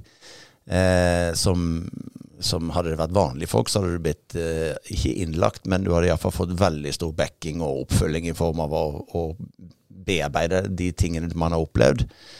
Eh, og når man da skjeller på folk som er dårlig ditt eller dårlig datt, så er det veldig mange historier som løper rundt på fotballbanene. Mm. Eh, ikke bare her, men, eh, men uh, overalt. Så skal være litt varsom i forhold til hvordan man, hvordan man, eh, man uttrykker ting. Men, men, Leo er akkurat der som vi snakker om med Jonna. I forhold til Når Leo får den tryggheten og roen eh, til at, eh, at, ting stemmer rundt. Eh, leiligheten er bra, oss si kjæresten er her oftere, eller om man har kjæreste, eller de, altså stabiliteten rundt der. Når du har den trygg, så er det mye enklere å prestere på jobb. Mm. Eh, og, og, Leo er unggutt i Grimstad som, eh, som, eh, som eh, vi har truffet på byen, eh, kanskje på et tidspunkt han ikke burde være der. Men han, han har da vært og spist med, med Peter. De lager middag veldig ofte sammen. Og så har han bare gått inn for å se på noen synge drite seg ut når de synger karaoke. og så sitter han der i to timer, og så går han hjem. Ja. Det har ikke noe med fylla å gjøre. Det er ikke noe med sånn, ja, men det er en ung gutt som kjeder seg litt og, Ja. og kikker litt. Så han gjør ikke noe gale, Leo. Men han er, han er ung og må finne sin vei. Eh, og så er det jo oss rundt som, som må være behjelpelige. Han har jo vært i, i, i gode rammer før òg. Ja. Så handler det om at han må ta de for å på en måte Hvis han, hvis han klarer å finne den roen eh, i, i livet, så tror jeg det at han Det er ubegrenset hvor langt han kan nå. Ja, Han har ferdigheter, han har oversikt, han har fart. Eh, Og humør. Ja, ja, ikke minst. og, og på en måte leder Han er, han, han er veldig tydelig på det, og har vært overfor meg i hvert fall. At liksom, han, ønsker å være en leder, han ønsker å være den som går foran, og er liksom ja, den som går foran på banen. Det er veldig sånn tydelig på han at det er et ønske han har. Ja, ja. Så at de er ivrige, ikke bare han, men de fleste er ivrige i forhold til Vi har en iPad på trening som måler de live i forhold til alt de gjør. I forhold til eh, løper og sprinter og start og stopp, som er veldig viktig i fotball. Eh, Så, så de er på der med en gang kikker og utfordrer hverandre og hele den biten der. Og der er Altså, de er jo helt ville. Ja. Så, så, eh, så Leo er en spiller som, som folk kan spille helt andre steder enn enn på nivået vårt. Det er fantastisk at man har en kontrakt som ikke bare varer til nyttår, holdt jeg på å si, så man faktisk har litt eh, kontinuitet på han da, frem til han eventuelt skulle bli solgt. Det får være en bonus for Jerv økonomisk, selvfølgelig, men Ja da, jeg tror han, han, han Vi hadde en god samtale, og hatt samtale med mange med agentene i tillegg, og skjønt det at eh, et sånn omflakkende liv, det blir man ikke bedre av. Eh, og det er bare det å løpe etter, og der får man litt mer lønn der, litt mer lønn der, men så havner man bare langt bak i en kø. Den er blytung for en ung spiller. Iallfall når du bikker 1920. Så, så han skjønte at uh, her er det stedet hvor han kan, kan spille mer, spille fast. Uh, og så, så blir folk glad i Grimstad. Folk syns det, er en, eh, en, folk syns det er en fin by. Folk bryr seg Folk bryr seg veldig om at det er gøy med Jerv. Uh, og det gjør de uansett hvor de er henne. Så det er veldig mange som bryr seg om det, og veldig mange som på en måte snakker til spillerne i byen på på sikkert mange som sier at ja, nå må vi vinne snart, og den biten der. Men det er ikke noe sånn her, eh, det er ikke noe, er ikke noe hat noe sted. Det, er kjærlighet nede i byen. Og det føler sånn som Tenk på de som kommer med hans historie, og kommer her og blir ivaretatt på den måten, og sett på den måten han gjør. Så er jo det kommet til paradis i forhold til hva man har opplevd før. Ja visst, nå var jeg helt frysende, for det er så godt poeng, da, fordi eh, jeg er også trener for min eh, datter på Jerv 2017. 16 blir det vel, jeg skal vite når min datter er født. Men der har det jo vært A-lagsspillere på besøk eh, også, og, og liksom øh, vist seg og hatt den kontakten med de, og de, de, det henger eh, fotballkort liksom signaturer og sånn. Det har vært en endring i Jerv siden du kom i 2016 til nå, hvordan man ønsker å fremstå i byen. Ja, vi Altså, det er, det er ikke bare mitt ønske, men vi Jeg tror det at jeg, tror jeg er ikke opptatt av at jeg skal være noe sted. Jeg er opptatt av spillerne. Vi er opptatt av at vi må få noen profiler. Og vi må Ja, de, dyrke de kommer på profiler. nattåpent med jervtøy, sant? Ja, ja. Så, så der må jeg si at, eh, at Svarberg har også i mange år ønsket å være med på tiltak i byen. Eh, så tror jeg det bare har gått på sånn eh, litt at vi har jo i disse seks-syv årene jeg har vært der, har vi hatt for mange daglige ledere. Skulle gjerne hatt én hele tida. Eh, til å få satt ting mer i system. At ikke man begynner på nytt igjen hver gang. Eh, og det har vært utskiftninger på markedssiden og hele biten der. Så vi har, vi har, ikke, vært, vært, eh, vi har ikke vært så gode som vi burde være i form av profilering av oss sjøl. Eh, mener fortsatt at eh, jeg skjønner ikke hvorfor ikke det Altså I Skien så har de, så har de eh, en pensjonist som reiser. En eller to stykker, jeg kjenner den ene. Hver søndag før kamp så reiser han, går han rundt rundt i byen og henger opp flagg. Eh, langs hovedveien så er det å henge opp flagg og alt hvor tingene er. Kampdag i Fredrikstad, der Ja, er det jo ja. Og så er det Jeg blir, jeg blir, jeg blir glad Jeg vil par oppe på haugen overfor levermiddagen som flagger hver gang. Helt outstanding. Jeg får, jeg får frysninger. Og jeg, jeg mener, jeg blir gammel om jeg får sparken i Jerv og, og ikke jobber for Jerv, men jeg fortsatt bor i Grimstad, skal jeg flagge hver gang det er fotballkamp. Uten problem. Og det handler litt om sånn. Jeg mener at det skulle hengt noen plakater nede i byen med, med trynene til spillerne med Jerv og hele den bakken der, i forhold til å få frem profiler. For det mer, jeg merker det til og med i ja, Vi har jo en, en fellesnevner med noen barnehagegreier. Eh, og spillerne var der oppe, og folk er helt ville. Eh, Andreas Hagen sin sønn, eh, han, er, han er født i 2019. ja, 19. Han prater ikke annet enn om keepere. Det er jo egentlig hårreisende for Hagen. Øvretveit er jo den største helten av alle. Ja, og Kelsey, god midtballspiller på, på Amazon, så, så blir han keeper. Han kan vokse det av seg, da, men de er helt ville. Ja. Han skal hver dag, og det er keeperdrakt hver eneste dag. Eh, vi må ikke spørre Hagen om å vaske den drakten, det håper han vasker den, men, men i forhold til hva det betyr og i barnehagen der de var, der er det fortsatt kjempeentusiasme med fotball. Eh, De har syklet veldig mye, men nå er det nesten bare fotball. Fordi at folk er giret, og så har du kanskje et par unger der som er litt verre enn andre, eller bedre enn andre, som er ivrig til å skulle spille mer og mer. Eh, Og da skjer det jo noe. Så, så eh, vi har vært hele tida, men vi må finne et, et enda mer system på det, i form av at vi jevnlig er ute på skoler, barnehager, hele pakka. Det er gjerne gamlehjem for den saks skyld. Det spiller ingen rolle, men vi må ut og være der, sånn at Jeg tror jeg har en del venner i Skien som Når jeg var der, så kjente de mange av spillerne òg. Og det var naturlig for de å gå på kamp. De er interessert i fotball. Men det går ikke noe, gidder ikke gå noe, for de har ikke noe forhold til noe. Det blir så fjernt. Eh, og da tror jeg vi, sånn som spesielt i Grimstad, som er en liten by, så må vi være mye nærmere. Og jeg tror bare det at eh, eh, ja, vi, har, vi har gått på en quiz om torsdagen. Bare snakke med folk om det er på dassen, eller i baren, eller om det er oppe på taket, eller hvor det er. Så syns folk det er jækla ålreit, fordi de kan stille spørsmål, de kan se det, de ser at du er et normal. Og da tror jeg tilnærmet til alt blir mye bedre. Eh, så jeg har veldig tro på, på at man at man systematisk har noe hele veien. jeg skal ikke snakke for mye om Arendal, men jeg har vært en gang på et sånt- sånt sosialt greie med, med Arendal, og de er flinke på håndball. Eh, er flinke på en del sånne ting, og jeg tror vi kan lære mye av hverandre på sånne ting.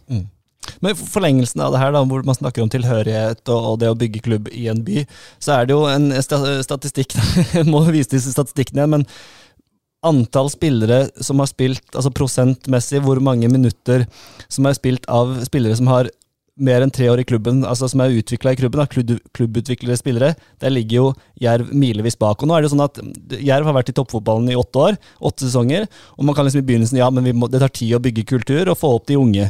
Eh, Nå har det gått åtte år, og fremdeles da, så er det gror det ikke godt nok unnfra til at disse får spilletid i stor grad, eh, i hvert fall. Nå går det noen til Ekspress, noen går andre steder, noen til USA og så forskjellige ting, men hvorfor klarer ikke Jerv og Grimstad å få fram egne spillere? For den der statistikken er ganske Den er ikke veldig hyggelig for, for Jerv. Nei, den er, den er helt riktig, ja. Uh, så det er, per i dag så er, er Jerv avhengig av at, eh, at du følger opp disse 16-17-modellene her nå i, ti år, og sørger for at de får god trening, det laget der. Da kan det bli noen. Eh, Glenn Andersen har holdt på på Imos, eh, og spiller litt frem og tilbake der i forhold til samarbeid, i forhold til kull og den biten der. Så har han en gjeng som er, som er bra, som er nå 14, som, som kan komme. Eh, eh, så det som er greien her nå, da, det er det at de vi konkurrerer mot, eh, og de som egentlig folkene i Grimstad konkurrerer mot, de konkurrerer mot resten av landet når de kommer opp på et visst nivå. Så er det, så er det ungdomsskoler med toppidrett, hvor de trener eh, på morgenen og trener på ettermiddagen. Så etter de er ferdig med ungdomsskolen, så er det rett inn på toppidrettsgymnas, hvor de trener ni økter i uken hele året igjennom. Eh, så, så Ja, det, er, jo- det er jo Lillestrøm som topper denne statistikken for øvrig, og de er vel et sånn type miljø hvor, hvor, hvor, hvor det går an. Ja, det er altså Lillestrøm, Stabæk og, og, og Vålerengen er, er veldig, veldig langt fremme. Eh, vi kan ta et konkret case. da. Vi har en unge nå som er som akkurat fylt 16, som har vært og trent med oss i sommer. Han har sommerferie. Eh, klarer seg bra. Han kom inn på, mot oss mot eh, Fram Larvik i, i cupen. Eh, helt fortjent, fordi at han er clever, god, ung spiller. Trenger å trene med A-laget. Trenger å trene der det er fysisk tøft. Han trenger å trene der det er fart, og han trenger å bli utfordret hver dag. Det gjør han ikke på, med jevnaldrende. Mm. Så begynner skolen nå, så er han klinisk vekk fra, fra oss. Mm. Da kan ikke han trene med oss. Så enkelt er det. Eh, Men med andre steder blir det lagt rette, rette for til og med ned ungdomsskolealder. ja, de, altså i, i Kristiansand, i alle byene, store byene i Norge. Så, så Altså i Skien, Toppidrettsskolen Skien, jeg sier Skien fordi det er det som jeg kjenner best til, der jeg har vært mest. Der er det en mann som er ansatt i forhold til at ok, hvis A-laget trener klokken 11, så går han glipp av tre timer. Eh, og de er norsk, eh, tre timer norsk eller matte eller hva det er for noe. Så sørger han for at han får de inn et annet sted resten av uken. Ja. Så de får fri til hva som helst. Altså, det var jo den gangen når Reinertsen kom og Sykkelia kom, så var det på goodwill fra, fra eh, skolen i Kristiansand. At de kunne komme og trene med oss. Eh, og så må de bare få inn eh, fagene resten av uken. Men hva må Jerv gjøre for å få til det? Er det- Er det kommunen man må prate altså- med? Hva liksom, hvor, hvordan får man, får man til dette? Nei, nå skal ikke jeg tråkke i et vepsebol, men jeg gjør det likevel. Eh, så ryktene sier da at, eh, at når Tvedestrand og Arendal og bortover der fikk toppidrett, så skulle ikke Grimstad få det. var en hestehandel, for da fikk Grimstad noe annet i forhold til politikere som tok noen valg. Så nå er det ekstremt stor motvilje til at vi skal få opp gode idrettstalenter i Grimstad, fordi at vi ikke skal ha noe toppidrett i det hele tatt. Eh, med de fraværsreglene som er, så er man Det er ferdig. Mm. Eh, og når de som begynner på ungdomsskolen, eller de som begynner på videregående, når de går ut etter de tre årene, så har de konkurrentene deres øvd. Altså eh, hver eneste formiddag har de trent. Og de andre kan selvfølgelig trene på ettermiddagen. Med seniorspillere? Med, ja, med seniorspillere på det nivået som de til enhver tid får best oppfølging eller får best utbytte av å være. Så, sånn at eh, Grimstad er et u-land eh, når det gjelder toppidrett. Eh, og så er er? Sameide, Sameide er for dårlig i forhold til fotballbiten. Eh, og veldig mange ikke vil reise med bussen til Sameide for å gå der på den fotballbiten. Eh, eh, enten må Sameide opp og gå på fotballbiten ordentlig og bli attraktivt å være der. Eh, eller så må, må Grimstad klare å få noe annet. Men eh, veldig mange skal godkjenne dette her. Mange sitter mange eh, etasjer høyere enn oss. Som ikke er interessert i det i det hele tatt, og ikke har noe forhold til det. eller noen ting i det hele tatt. Vi er et u-land, og kommer til å forbli et u-land. Skal vi få opp spillere, så er det litt tilfeldig at vi er avhengig av at en foreldretrener er god. Eh, at, ja, at det er gode gener.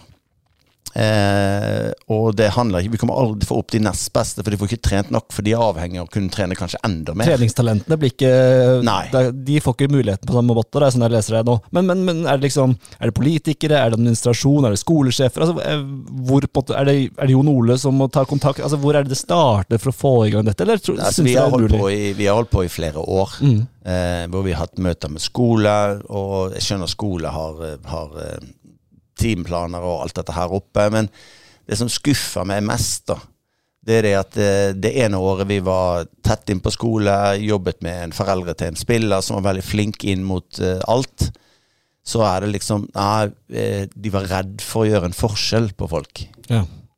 De var redd for at hvis de skal få to timer fri der, så, så hva, hva skal vi si hvis de andre kommer, da?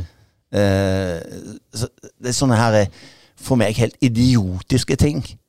Fordi at Da må man bare si det, vet du hva, de driver toppidrett, og vi skal dyrke toppidrett og få frem toppidrett. Og de to timene man har glipp av der, de tar man igjen. Ikke sant? Ferdig snakka. Du gjør ingenting, du er på skolen. Ferdig snakka. Det er ingen som sier sånt, vet du. Fordi at vi skal være så Vi skal please alle. Og inntil vi kommer på et nivå hvor vi Det er jo det, er jo, det verste du kan gjøre, er jo å ikke Eller det, det verste du kan gjøre, er jo å behandle alle likt. Mm. For alle er forskjellige. Eh, men her er vi nødt til å gjøre forskjeller. Det er jo I Grimstad så er det jo, det er jo friidretten er sterk. Eh, svømmingen er sterk. De har kickboksere som blir norgesmestere bare, bare de møter opp. Eh, og eh, ja, det er et par idretter til som er sterke. Sånn at eh, hadde det vært vilje til de som styrer veldig høyt oppe, så hadde det vært veldig enkelt å lage en klasse. Laget en toppidrettsklasse. Det gjør ikke noen fotballspillere går, eh, går eh, sammen med kickbokserne eller hva som helst. De kunne hatt felles fysisk trening. Eh, og vi fra Jerv kunne vært eh, formiddagen og trent fotball. Trent fotball med de, eller de hadde vært med A-laget til Jerv og trent. Og vært på skolen resten av, resten av dagen. Eh, så det er det, sånn funker det i alle, alle, alle andre lag som vi ønsker å konkurrere mot. Men det funker ikke i Grimstad av en eller annen finurlig grunn. Og for, på grunn av det, da, så er Jerv der de er på denne statistikken. Ja, altså Den eneste fotballspilleren vi har fått frem, er jo Glenn Andersen. Og han måtte flytte ut av fylket og har vært veldig mange andre steder istedenfor, for å klare å bli god. Mm. Eh, Nestemann er kanskje Tønnesen, men han har ennå å bevise på, på høyeste nivå i Norge. Mm. Men, eh, men, eh, det er, det er bein, beinharde sannheten. Mm. Eh, Mafia har spilt Obos, og har vært litt i Eliteserien, men for meg er, for meg er Altså, du er ikke, du er ikke noen eliteseriespiller fordi du er en eliteserietropp. Eh, for meg er eliteseriespiller så har du spilt i et par år i Eliteserien og, og klarer deg. Eh, I, I, mitt hode. Nå var ikke jeg noen definisjon på det, men, men så, vi har, så, vi har, veldig fryktelig langt å gå. Og det er jo ingen som ønsker unge spillere opp mer enn oss. For vi lever jo i det, og vi ser entusiasmen rundt. Og Iman er så skjønn, og det er så gøy med en fra Grimstad og alt dette her. Liksom. ja. eh, og vi ser jo den. Den er jækla viktig. Bare statusen til Glenn når han spilte her og alt dette her. Så, så vi skulle gjerne hatt fem stykker, vi. Uten problem. Mm. Men problemet nå til han som er fylt 16 år, da. Som er god nok til å trene med oss. Tenk det, da. Han er god nok til å trene med oss. Men så er hverdagen sånn. Det jobbes med dette her. Jon Ole jobber så bare juling. Mm. Men det er, det er, veldig tungt å få til. Fordi det er veldig mange som sitter for langt vekke, som ikke har noe forhold til det. Og ikke kan dette her i det hele tatt. Hva skal til? Og kanskje ikke bryr seg om fotball i det hele tatt. De skal ta avgjørelsen om vi får lov eller ikke. Det blir helt feil. Men det som skjer når man er 16-åring nå, det er at eh, har, han, har, han, høstferie, så trener han selvfølgelig med oss. Eh, alle ferier trener med oss så mye som overhodet kan. Han vil, foreldrene vil, alle vil. Men systemet vårt er ikke sånn. Hadde han vært i en annen by, så, så hadde han da trent hver dag med A-laget og gått på skole etterpå. Mm. Uten problem. Ingen problem i det hele tatt. Mm. Så det er ekstremt stor hverdag for de som, de som eh, tar steg hele veien. Nå sier jeg ikke at han her ikke kan ta det, for han er oppegående, veldig fin gutt. Så han har litt av den strukturen vi snakket om med, med Jonna ja. rundt seg. Så han kommer et par steg bak? Ja, han har veldig stor forutsetninger for å kunne gjøre det. Men det er klart at når de, kan, eh, når de kan trene med fysiske trenere hver eneste morgen, de kan trene med A-lag eh, rett etterpå, og så er de på skole, og så trener de på ettermiddagen med, med de lagene som de, de, skal tilhøre, eller hvor de skal være så er det Vi snakker om disse her 100 000 touchene eller timene som, som man bør ha, så ligger de milevis bak. Og det er som kommer til å være her. Og mest sannsynlig så skal jo alle skal ha det bra her, vet du. Så da blir vi sånn som vi blir. Skal det greit, er det ikke det? Eller? jo, men så, så, en annen bra ting, da, det er jo på en måte at de sterkeste personene rundt Jerv de har bestemt seg for at vi skal ha et A-lag. Vi skal ha et godt A-lag. For de har kanskje sett dette her, da. Mm. Eh, så de har stor satsing på A-laget. Og så har vi, vi har gode trenere på ned til jeg sier ikke vi er gode trenere langt nede, men la oss si profesjonelle trenere. da. Mm. Trenere som har eh, høy utdanning innen, innen treneryrket. Så har vi det på to knepp under A-laget òg. Så, så, så eh, vi, vi, gjør det vi kan. Eh, vi gjør det vi kan innenfor rammene vi har.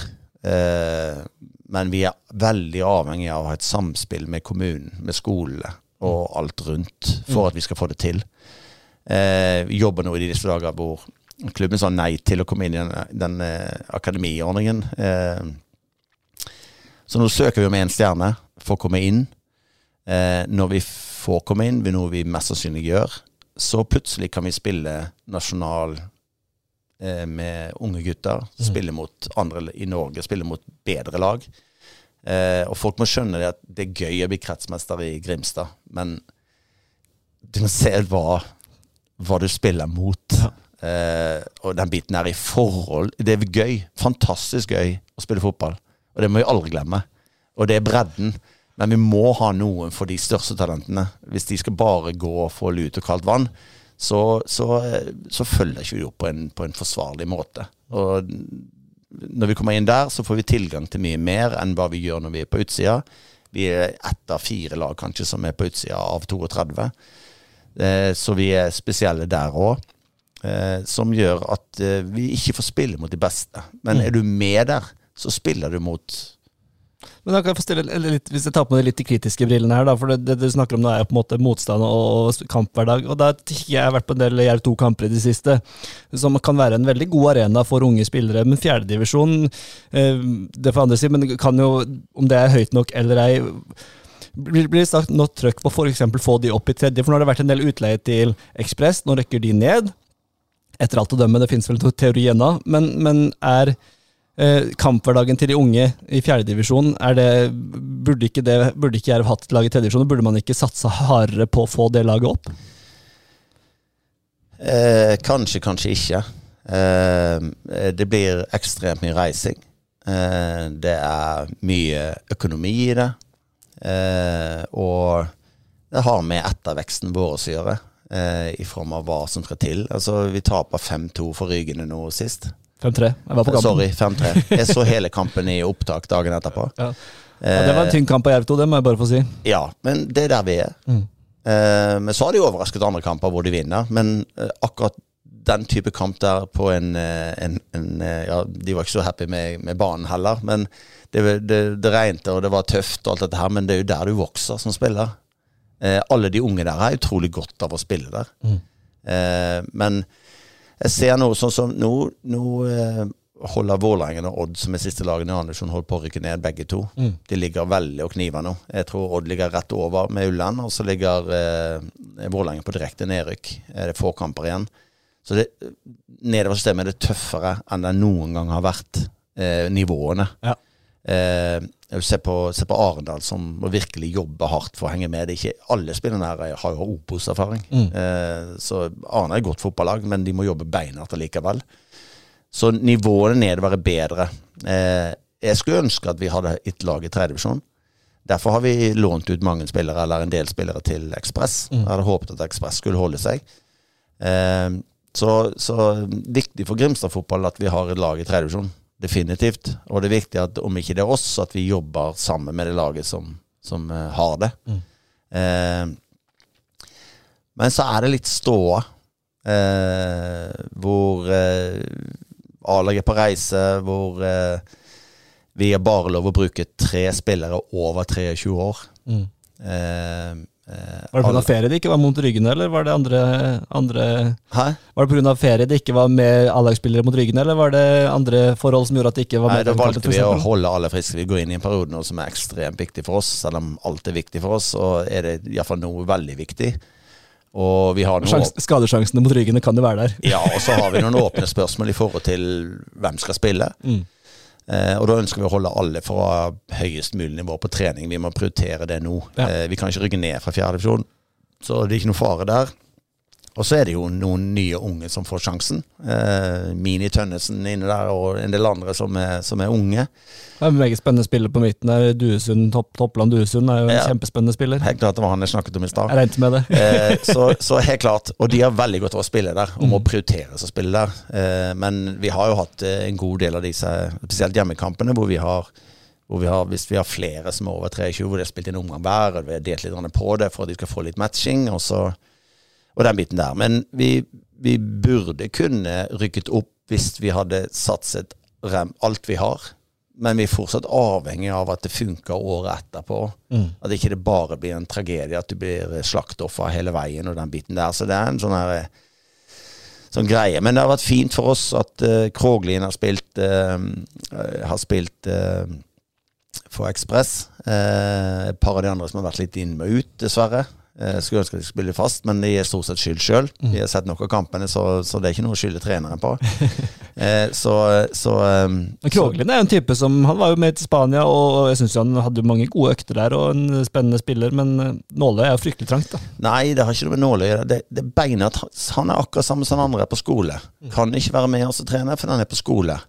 Men nå har han begynt å lære, og vi har en sponsor eh, som er Fotballpunch, heldigvis. Og de jobber beinhardt med å legge forhold til rette, at han kan stikke av to timer på dagen og trene med oss, for så å komme tilbake inn på jobb. Så det kan være redningen for Skroglien. For Skroglien trente med oss i går. Vi hadde ganske intensiv trening i går. Helt outstanding. I forhold til alder og i forhold til tørre og i forhold til liksom En deilig person. Mm. Så, så Kroglin er, er nummer to der. Uten at jeg skal se forbi noen flere, så er det de to som er på en måte de heiteste nå. Men det kan begrense seg. Nå heldigvis så, så har vi en ålreit avtale med, med Kroglien. Eh, med arbeidsgiveren hans, som, vi som han er dønn avhengig av. Og vi er dønn Men avhengig det er tilfeldigheter, sant igjen? Det er ikke noe system som Det er Nei, det er, jeg tror det er Olsenbygg som, er- som er fotballpunch, og glad i fotball, og ønsker å være med og legge det til rette for han. Og det er, vi, er, vi er avhengig av sånne ting eh, når de kommer opp i den alderen som de kommer opp i. Fytti katta som tida går her, Arne, men jeg må eh, Det er litt interessant Du har vært gjennom litt spillere og spillerutvikling. Dette er noe du brenner for, det ser jeg på. Du setter deg litt opp i stolen og kjenner at eh, dette er noe du virkelig brenner for. Um, og du er en type som eh, har følelsene ganske utpå. Det er, ganske enkelt å se hvor du er positiv, negativ, hvordan du føler deg. I hvert fall sånn syns mange av oss det, at eh, du er en type som har eh, mye følelser. Eh, og de følelsene de skal vi kanskje få se litt nærmere på på denne TV 2-serien og den dokumentaren. Jeg er litt nysgjerrig på hva du tenker om den, og, og, hvordan du tror eh, jerv, hvilket lys Jerv kommer inn, og vi får se litt fra innsida her med Tommy Maxim, da, som er Grimstad-gutt, som har gjennom Salto fulgt, eh, fulgt Jerv. Ja, jeg, tror vi må, jeg, tror vi må få vår egen, og så bare vise den på lokal-TV her nede i stedet for oss. Jeg tror, jeg tror dere må gjøre en avtale der at de lager en lengre bare på oss. Jeg For det. For jeg tror, mye blir, jeg tror mye blir kuttet inn til veldig lite, Mm. dessverre. Eh, men eh, men eh, Samtidig sier Tommy at han eh, har fulgt litt eh, Altså, det har vært ekstremt åpenhet da i Jerv, og det, de har fått lov til å være med på veldig mye, så det kan jo bære bud om at det kanskje kommer litt, da. Ja, jeg håper det. Eh, jeg håper at, at, de får se litt innsiden. Vi, vi er jo vi, vi jobber jo på et bedriten kontor. Det er tett, og det er varmt, og det lukter og det ene og det andre, og hele pakka. Så, så forholdet er sånn som de er. Og de får lov til eh, Nå har det vært tre-fire forskjellige, fem forskjellige personer der, men alle er veldig sånn Alle ler seg i hjel, og alle er veldig glad for at de får lov til å være med, eller de får lov å komme så langt inn så de får komme. Og, eh, og det handler liksom om at eh, vi på kontoret, vi, vi vet at, at det vi driver med er bra. Så vi har ikke noe å skjule. Altså, jeg tror det er Hvis vi skulle gå rundt og vært livredde for å se hva vi gjør, så holder du på med noe rart nå. Men vi er veldig trygge på at, eh, at den dosen som vi klarer å, å, å tilby spillergruppen, den er bra. Eh, den er bedre enn bra. Eh, og at de er inne og ser på dette her, og vi prater sånn og sånn, det er ikke noe problem. Eh, og så glemmer du den mikrofonen etter en stund. Selv om du ser at de er der, så, så tenker ikke du over det. Så vi, vi byr på oss sjøl. Vi har Rei, altså det er jo å leve i en sitcom å være med Reidar, Reidar og Thomas. Andres Hagen og jeg, vi er jo bare Vi, er, sitter, jo, vi sitter jo i publikum og ser på. Det er Jeg tuller ikke. Det kan ikke være mange som ler mer enn oss i løpet av dagen. Altså. Det er- vi, vi har fått altså, Opp gjennom årene har vi fått tilbakemelding fra spillerne. De syns det er gøy. Vi kommer alene inn i garderoben, det er godt humør og det er energi på den måten der. Og det, det er fantastisk bra. Eh, så, så, um, og så har vi, vi har den sikkerheten at, at hvis jeg skulle sagt Ja, men Øystein Bjerkestrand, han sånn og sånn og sånn og sånn, så er de nødt til å ringe deg og få godkjenning til å bruke det klippet, fordi at ditt navn er nevnt. Jeg har fått et par telefoner. Ja, ok. Nei, så, så vi er, vi er, vi, vi- er sjøl fleiper og tuller, og de har vært der, så, så tror jeg, jeg, jeg håper høydepunktet er på denne deadline day, hvor de henger på. Hvor eh, Ja, da satt jo jeg, Det må jeg bare ta det, da. Jeg satt jo, det være litt morsomt, apropos følelser. Og, og deg, Arne, da satt vi Satt jeg i, i, på Jervhuset på deadline day nå, og satt med PC-en min og sånn, og der jeg, var åpenbart ikke alle hadde fått beskjed om at jeg satt der, for da satt, stor, skulle du i en, var du i en telefonsamtale. Ja. Så, så du kommer inn i stua der, ser meg, og så ser jeg, ser jeg deg, og så tar jeg bare henda til ørene for å si, signalisere at her skal ikke jeg høre etter, og så bare ser du på meg og går ut igjen. Ja da, det var, eh, det, var, det var masse som skjedde den dagen. Masse frem og tilbake, opp og ned. Og Jon Ole løp opp og ned trappen fem millioner ganger. Eh, beste, jeg tror det beste er når det nærmer seg tolv. Eh, altså, jeg, jeg kan skjønne at folk, folk spør meg hva er det som feiler dere. Hvorfor skjer alt før klokka tolv? Men det er da plutselig ting skjer. Altså, og så begynner dominoeffekt, og så tar ting tid. Eh, for vi er avhengig av at eh, Den ene dealen så vi er avhengig av at klubben fikk inn en erstatter. Eh, og fikk de inn erstatteren, så kunne vi få han. Eh, og så skjedde ikke det. Men vi venter og venter, og derfor kan ting skje veldig seint. Men vi forhandla med en spiller som alt er i orden. Jeg har hatt en lang samtale med spilleren og tri, eh, agenten, familiemedlemmer. God stemning, alt veldig bra. Og så skal eh, Så, så går tida. Jon Ole er litt mer, eh, litt mer stresset enn oss. Litt mer eh, ikke, ikke sånn gale, men litt mer sånn pessimistisk. da At å, vi er nødt til å gjøre sånn og sånn og sånn, og sånn, og vi er litt rundere. Og, og han føler på tiden at nå er det mange papirer skal ordnes. Jeg var her da, så det er gøy å gjenoppleve deg gjennom dine Og så, og så og vi kjører på, vi vil jo ha spillere, vi skal overleve, ikke sant. Eh, Knut i Vigkil har sagt kom an, kjør, kjør. Altså Vi føler at alt kom an, nå må vi av gårde. Og så plutselig får Jon Ole en telefon fra en annen agent som skjeller han ut fordi at han har forhandlet med hans spiller. Og spilleren og han andre agenten har ikke sagt noen ting. Alt har vært helt perfekt. Alt stemmer. Og da plutselig var det stillstand. Eh, og så er jo denne her greien at med, med bare eh, utlendingskvoten, og den hadde noe innvirkning her òg, Ja. Som gjorde at vi måtte innkalle folk og prate med folk igjen, som vi hadde pratet med over lengre tid, men i siste biten der òg. Så det var utrolig hett, og det ender opp med at jeg må ringe han spilleren igjen. Vi, vi, vi, han agenten var forbanna, han som var opprinnelig agenten, han var forbanna og, og la på. Hvor jeg må da ned igjen i garderoben og må ringe spilleren igjen og prate med spilleren. Og, og jeg har jo aldri Jeg har bare pratet med han to ganger før. Jeg har aldri, aldri på en måte vært fysisk, altså tatt på han for å få se og snakke med mennesker hvor du kan lese kroppsspråk og skjønne at dette er alvor. Og jeg måtte bare appellere til det meste i forhold til at du kan ikke, kan ikke kødde med oss nå. Hvis dette er kødd, så går det utover andre mennesker enn bare oss sjøl. Så dette her er- må være reelt.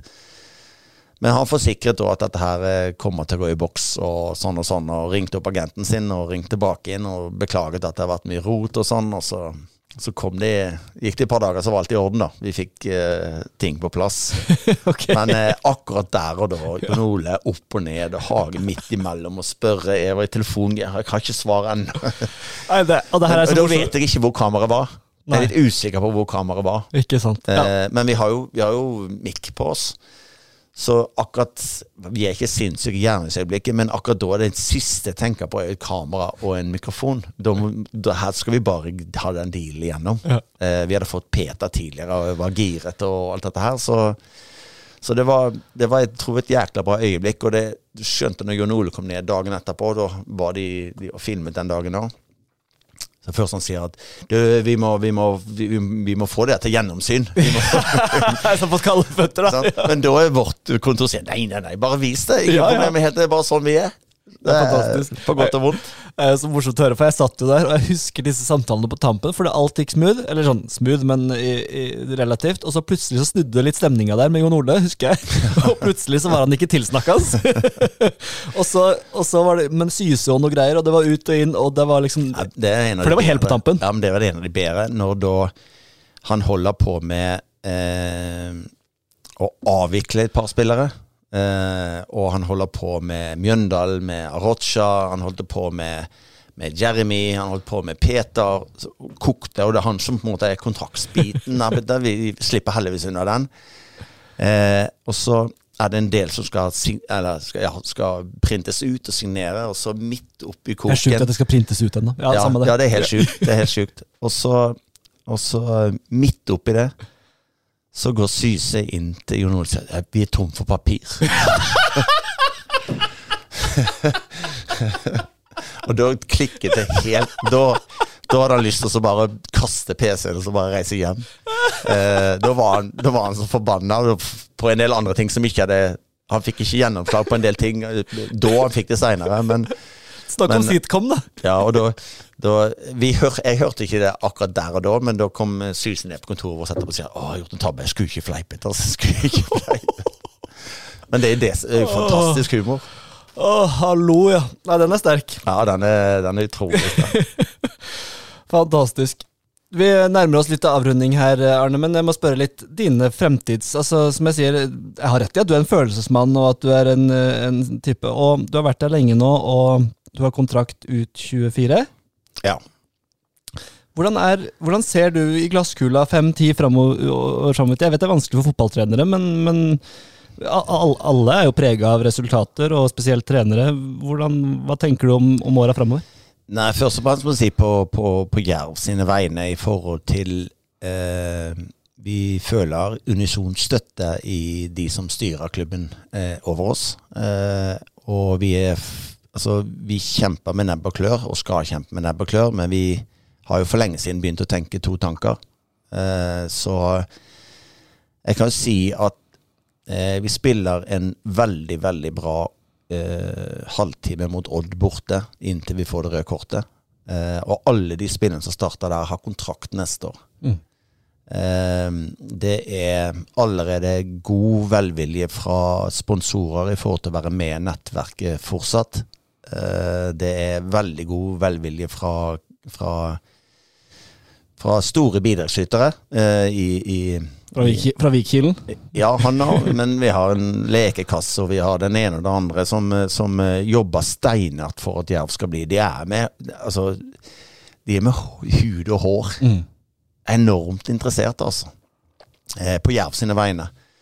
Eh, så det er veldig mange som, eh, som har kjent på ting her nå. Jeg tror det er viktigst for oss, og vi har snakket om dette før vi rykket opp òg, at kanskje det er her Jerv trenger. Å rykke opp, kjenne på hvordan ting er. Eh, treffe på noe, bomme på noe. Og så så ha et da kommer jeg i Obos, man kommer i Obos igjen, ha et litt bedre grunnlag enn man noen gang har hatt. Eh, for så å kunne ta steget en dag opp igjen. Mm. Eh, legge en plan. Det er det allerede planer på. Mm. Så, så det jobbes eh, med flere tanker samtidig i forhold til den biten der. Eh, for min del så jeg er usikker. Eh, jeg håper om ti år så håper jeg at, eh, at jeg har et hus eller en hytte hvor jeg kan ha båten rett på utsida, og så bare ut og fiske hver dag. Mm. Og så være mentor for den treneren som er i Jerv da. Mm. Det, det tror jeg holder for meg. Eh, nei, jeg har fått, jeg har fått uh, Når jeg gikk mot slutten av kontrakten i fjor, så kunne jeg vært uh, sportsdirektør i en klubb. Veldig mange som Veldig mange som har vært imponert over at vi klarer å hente spillere ut av ingenting. Det er veldig mange som er imponert at vi klarer å få veldig mye ut av mange utenlandske. Litt for mye sånn kultur at man, man har 25 spillere, og så henter man inn to fra et eller annet sted fra, og så får de en leilighet, og så er det ingen som, som følger de opp. Eh, og mange som er glad i måte, måten vi gjør ting på. Eh, som, fordi vi er veldig åpne, og vi følger veldig, eller folk følger veldig med. Eh, det er folk som ser på treningene våre som ingen vet hvem er. Eh, det er folk som, eh, det er klubber som har folk for å se på treningen. Så en bekymring er kanskje det at, eh, at vi kan miste tre-fire spillere. Ja. Eh, selv om de har kontrakt. Eh, men da styrer vi da litt hverdagen sjøl, da. Men eh, at vi må begynne enda mer på nytt igjen eh, i forhold til hva vi, hva vi har gjort nå. Men, men så, så Jerv har store planer videre, og det er veldig stor entusiasme rundt i forhold til å gjøre det. Vi hadde, ikke, var det 70 sponsorer her oppe nå sist på, på Jervhuset. Så, så det ser veldig bra ut. Eh, så vi må bare fortsette med den, med den planen som er nå. Og Jon Ole jobber med planverk som er, som er veldig fornuftig og veldig bra. Så jeg håper at, eh, at han kan, eh, kan være videre i mange år. At det ikke vil bli byttet ut og byttet ut og byttet ut av forskjellige grunner. Eh, Men sånn som jeg skjønner det nå, så kunne du da ha tilbud fra andre steder. og det er på en måte, at Når du, kontrakten gikk ut, så var det et aktivt valg for deg å fortsette i Jerv kontra andre steder. Ja. Jeg kunne, jeg kunne sittet ganske mange andre stoler. Eh, Kanskje med mer lønn, til og med? I toppfotball, ja, det kunne jeg også. Men eh, jeg kan ikke klage på det jeg har i, i, i Jerv. Så, så har det ingenting med sånne ting å gjøre. Det har litt med en utfordring å gjøre. Eh, og, og har etter hvert et eh, veldig, veldig, veldig spennende nettverk som jeg har. Mm. Som, eh, som kan brukes i forskjellige roller. Eh, og så tror folk at jeg begynner å bli gammel, men jeg er jo sprekere enn resten av trenerteamet. Så, så jeg, er jeg, jeg holder ennå. Så nei, eh, det er nok noe i fotball. Det alltid eh, det er mange roller. Mm. Eh, Klubbene vokser. Eh, Til neste år så, så vil kanskje de ti øverste klubbene ha over 100 millioner i budsjett i omsetning. Det er helt vilt. er helt vilt. Mm. Eh, Men det, det, er, da tar klubbene steg. Eh, så er Halvard Thoresen her nå i går ute i mediene som, eh, som er scout i PSV. Hvor, hvor han kan sikkert si uhorvelig mange ting vi kan bli bedre på, men han velger å si at fasilitetene må bli bedre. Mm. Eh, og eh, vi i Jerv, vi per i dag så har vi ikke fasiliteter. Altså, Nei, og Det er jo altså, det kunne vi snakka om en halvtime til, sikkert, med kunstgressbaner og fasilitetene. vi har fått ny eh, kunstgressbane, vi kan ikke trene på den. Kan du ikke trene på nye eller noe? nei, fordi at uh, skolen har førsterett til uh, ut på ettermiddagen. Hva er det du sier for noe nå? Ja, ja, så det er hverdagen. Så derfor må vi derfor, Det er jo også en ekstra utfordring at vi må trene. Vi må leie oss inn andre steder, og da må vi leie tidligere enn deres eget lag kommer. Derfor trener vi mye tidligere på dagen. Men A-laget får ikke lov til å trene på ny kunstgressbane fordi skolen skal ha førsterett? Skolen har førsterett. Så det, det er sånn er det. Altså nå, det her er breaking news for meg, for det visste jeg ikke. Men jeg var sikker på at A-laget skulle inn på den kunstgressbanen med ny matte og alt, så kunne man bruke garderobefasilitetene og du, Dere må fremdeles til Fevik? Det trodde vi. Ja, vi trener på Fevik og skal trene på Fevik ut året. Hvor vi skal trene til, til, til neste år, får vi se. Vi er håper, noe? Vi håper vi kan trene ute, men, eh, men, eh, men vi, vi får ikke trene. Vi, får, vi kan komme på etter to en gang. Men før det så, så er det skolen som har friminutt og, og gymtimer. Men, og dette, dette var helt nytt for meg, og jeg var helt sikker på at, um, på at jeg skulle få treningstid på en helt ny bane og endelig kunne bruke fasilitetene, men det er status quo, så alt dette altså for, Selvfølgelig for resten av klubben så er det kjempeviktig for all del, men, Ja, ja. men det er jo rett og slett litt sjokkerende jeg sitter nå. Ja da. Det er veldig flott kunstgressbane. Nydelig. Den ligger rett borte. Den ligger 50 meter fra garderobene våre. Men, uh men vi må på Fevik. Vi er veldig fornøyd med Aslaksen på Fevik, som, eh, som eh, låner oss uten bane. Men så blir, kommer utfordringen når vinteren kommer, så er ikke det undervarme der. Uh, vi må kanskje fry til Imos. Vi var jo der de første årene mine. Eh, før det ble litt hardt, men nå har de fått en ny bane der oppe som, uh, som de skryter av. Så kanskje vi burde hatt en, en trening der oppe og teste litt og se om mulighetene er der. Men de har, har vel også skole, de også? De har avtale med skole, de òg. Så jeg håper ikke at vi må i Sørlandshallen, selv om Sørlandshallen nytt dekke. Jeg ønsker å trene ute. Eh, det er ikke så kaldt her nede at, eh, at Nei, det skal være noe det- problem. Det Så- du får Få på seg nikkersen, si! ja, ja, ja. Ikke tenk, ikke tenk på det engang. Så, så kan vi trene ute og så gjøre det. Myra begynner å bli litt, eh, litt gammel, men de har, har noe der. Arendal kommune, de, der er førstepri i lagene i Arendal. Eh, og det er fair enough. Eh, så har vi appellert litt via noen her og noen der, som har gjort at vi fikk være på Myra i et par år. Så vi er akkurat i en kabal i disse dager hvor eh, Hvis det får positivt svar nå to, så har vi alle treningskampene klare neste år. Såpass, ja. Eh, hvis eh, så er, har vi luke på treningslær. den er vi i dialog med. ja det bør du sende datoene til meg. Ja, ja, ja. ja. Eh, så, så, um, så neste år er egentlig spikret, men vi har ikke spikret på hvor vi eh, skal trene henne. Det er fortsatt et åpent spørsmål. Altså, det her er helt nytt for meg, og jeg blir rett og slett litt sjokkert over det, for det var jeg rett og slett ikke klar over. Um, det, det skal vi definitivt lage redaksjonelt stoff på, som det heter på fint, for det, det, er, uh, tror jeg flere syns er uh, overraskende. Eller sa vi skulle holde på en liten halvtime, nå har vi holdt på halvannen. Um, til slutt, dere har, er det 14 poeng? Nå har jeg ikke tabellen foran meg her, men 14 poeng, vel? Tre viktige kamper nå, med HamKam, med Ålesund, med Sandefjord. 14 poeng er kanskje mer poeng enn det mange av ekspertene, uh, Gauseth, din gode venn, eh, hadde trodd på forhånd. Eh, opplever du at, at forventningene har blitt for store til hva dere kan klare i byen? Nei, det gjør jeg ikke. Og vi skaper forventninger. Og vi hadde jo den med Svaberg hvor jeg var ute og sa at vi må oppføre oss som folk. Så er Svaberg et nydelig menneske, det har ingenting med det å gjøre. Men du skjønner helheten da er at vi spiller midtuke mot Odd og spiller en ganske bra kamp, men vi taper 3-2 eh, på overtid, eller på, ja, i ekstraomganger. Og så slår vi Lillestrøm hjemme. Så skaper du en forventning. Og da skjønner jeg at folk blir skuffet når vi taper. Altså, vi tapte jo grovt, da, men at vi taper, da, for da forventer man liksom OK, vi har slått Godset en gang før.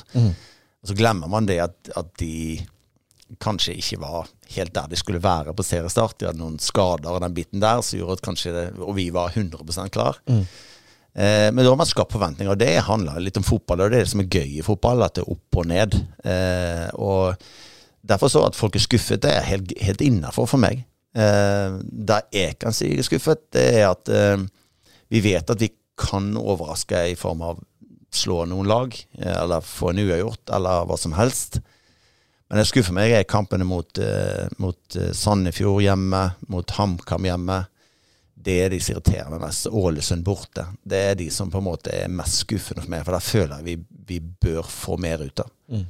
Eh, som hadde gjort at vi Dette er jo det, akkurat de tre lagene dere skal møte nå. ja, som hadde gjort at vi, eh, at vi hadde vært nærmere de, i alle fall. Mm. eh, og, og på en måte konkurrert mer. Eh, og så vet vi det at når det drar seg til nå, så har kanskje ikke Sarpsborg forventet å være nede der. Kanskje ikke Sandefjord, eller selv om man har dømt ned, så man håper man er høyere. Og vi vet at vi ville vært nede der. Eh, så, så kanskje at vi hadde hatt en liten fordel eh, der. Og det vi håper på eh, Det er derfor det har vært eh, tre poeng mot Sarpsborg. Da har vi vært oppe i ryggen, faktisk. Og, og det har blitt mer stress. Eh, og eh, du ser i avisene rundt omkring at de, det er ingen som liker den situasjonen de er kommet i. Eh, så det er de kampene der som, som irriterer meg mest. Eh, og så er det at vi ikke er gode nok defensivt. Det er på en måte det som, eh, som skuffer meg eh, mest. At vi taper kamper der, der det er folk litt forberedt på.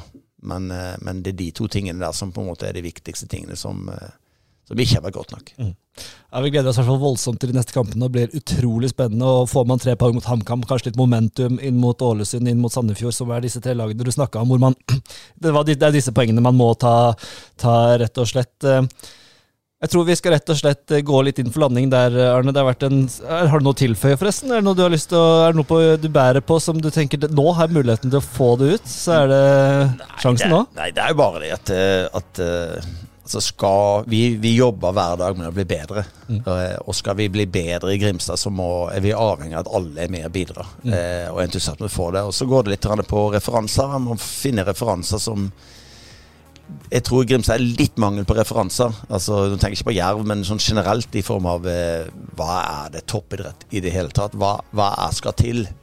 Eh, det hadde vært litt lite. Vi ser, eh, vi ser Friidretten har det. De har kompetanse i, Mindset-gjengen. ja, sant? og det er, vi er litt avhengig av sånne. Veldig avhengig av sånne. Eh, Istedenfor at det er systemet som, som eh, får frem de aller, aller beste. Og det er, det er alle avhengig av, og vi i fotball eh, er også veldig avhengig av det. Og vi har veldig stor brei støtte, det, det må vi erkjenne. Veldig stor brei støtte, men i forhold til at vi skal kunne ta steget opp der vi har vært nå, så kreves det litt mer. Og Derfor tror jeg dette året her har vært jækla bra.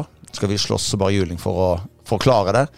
Klarer vi det ikke, så, så er det veldig mange i systemet vårt som er veldig giret på å ta neste steg allikevel. Eh, og det er veldig betryggende og inspirerende å være med på. Og skulle de ikke klare det, så har det i hvert fall hatt en sesong hvor eh, Jerv virkelig har blitt satt på kartet her på Sørlandet også. og de, Man bærer Jerv-drakta med en helt annen stolthet eh, blant barna og du sier keeperdraktene. Om ti år så er du kanskje også sitter og fisker litt i Grimstad på en hytte, men frem til det så er det jo mange år, og vi syns det er veldig spennende nå, innspurten til eh, Jerv. Arne Sandstø, tusen hjertelig takk for at du eh, ble med oss eh, her i dag. Det har vært en fin halvannen time i Du tørker litt på ørene, vi har sittet her lenge. Tusen takk for oss. Vi, vi kommer tilbake allerede på fredag vi med en klassisk episode. Da er Roy tilbake i stolen her, og vi skal få prate litt om breddeballen. Det gleder vi oss selvfølgelig til. Inntil det så ønsker vi på gjenhør.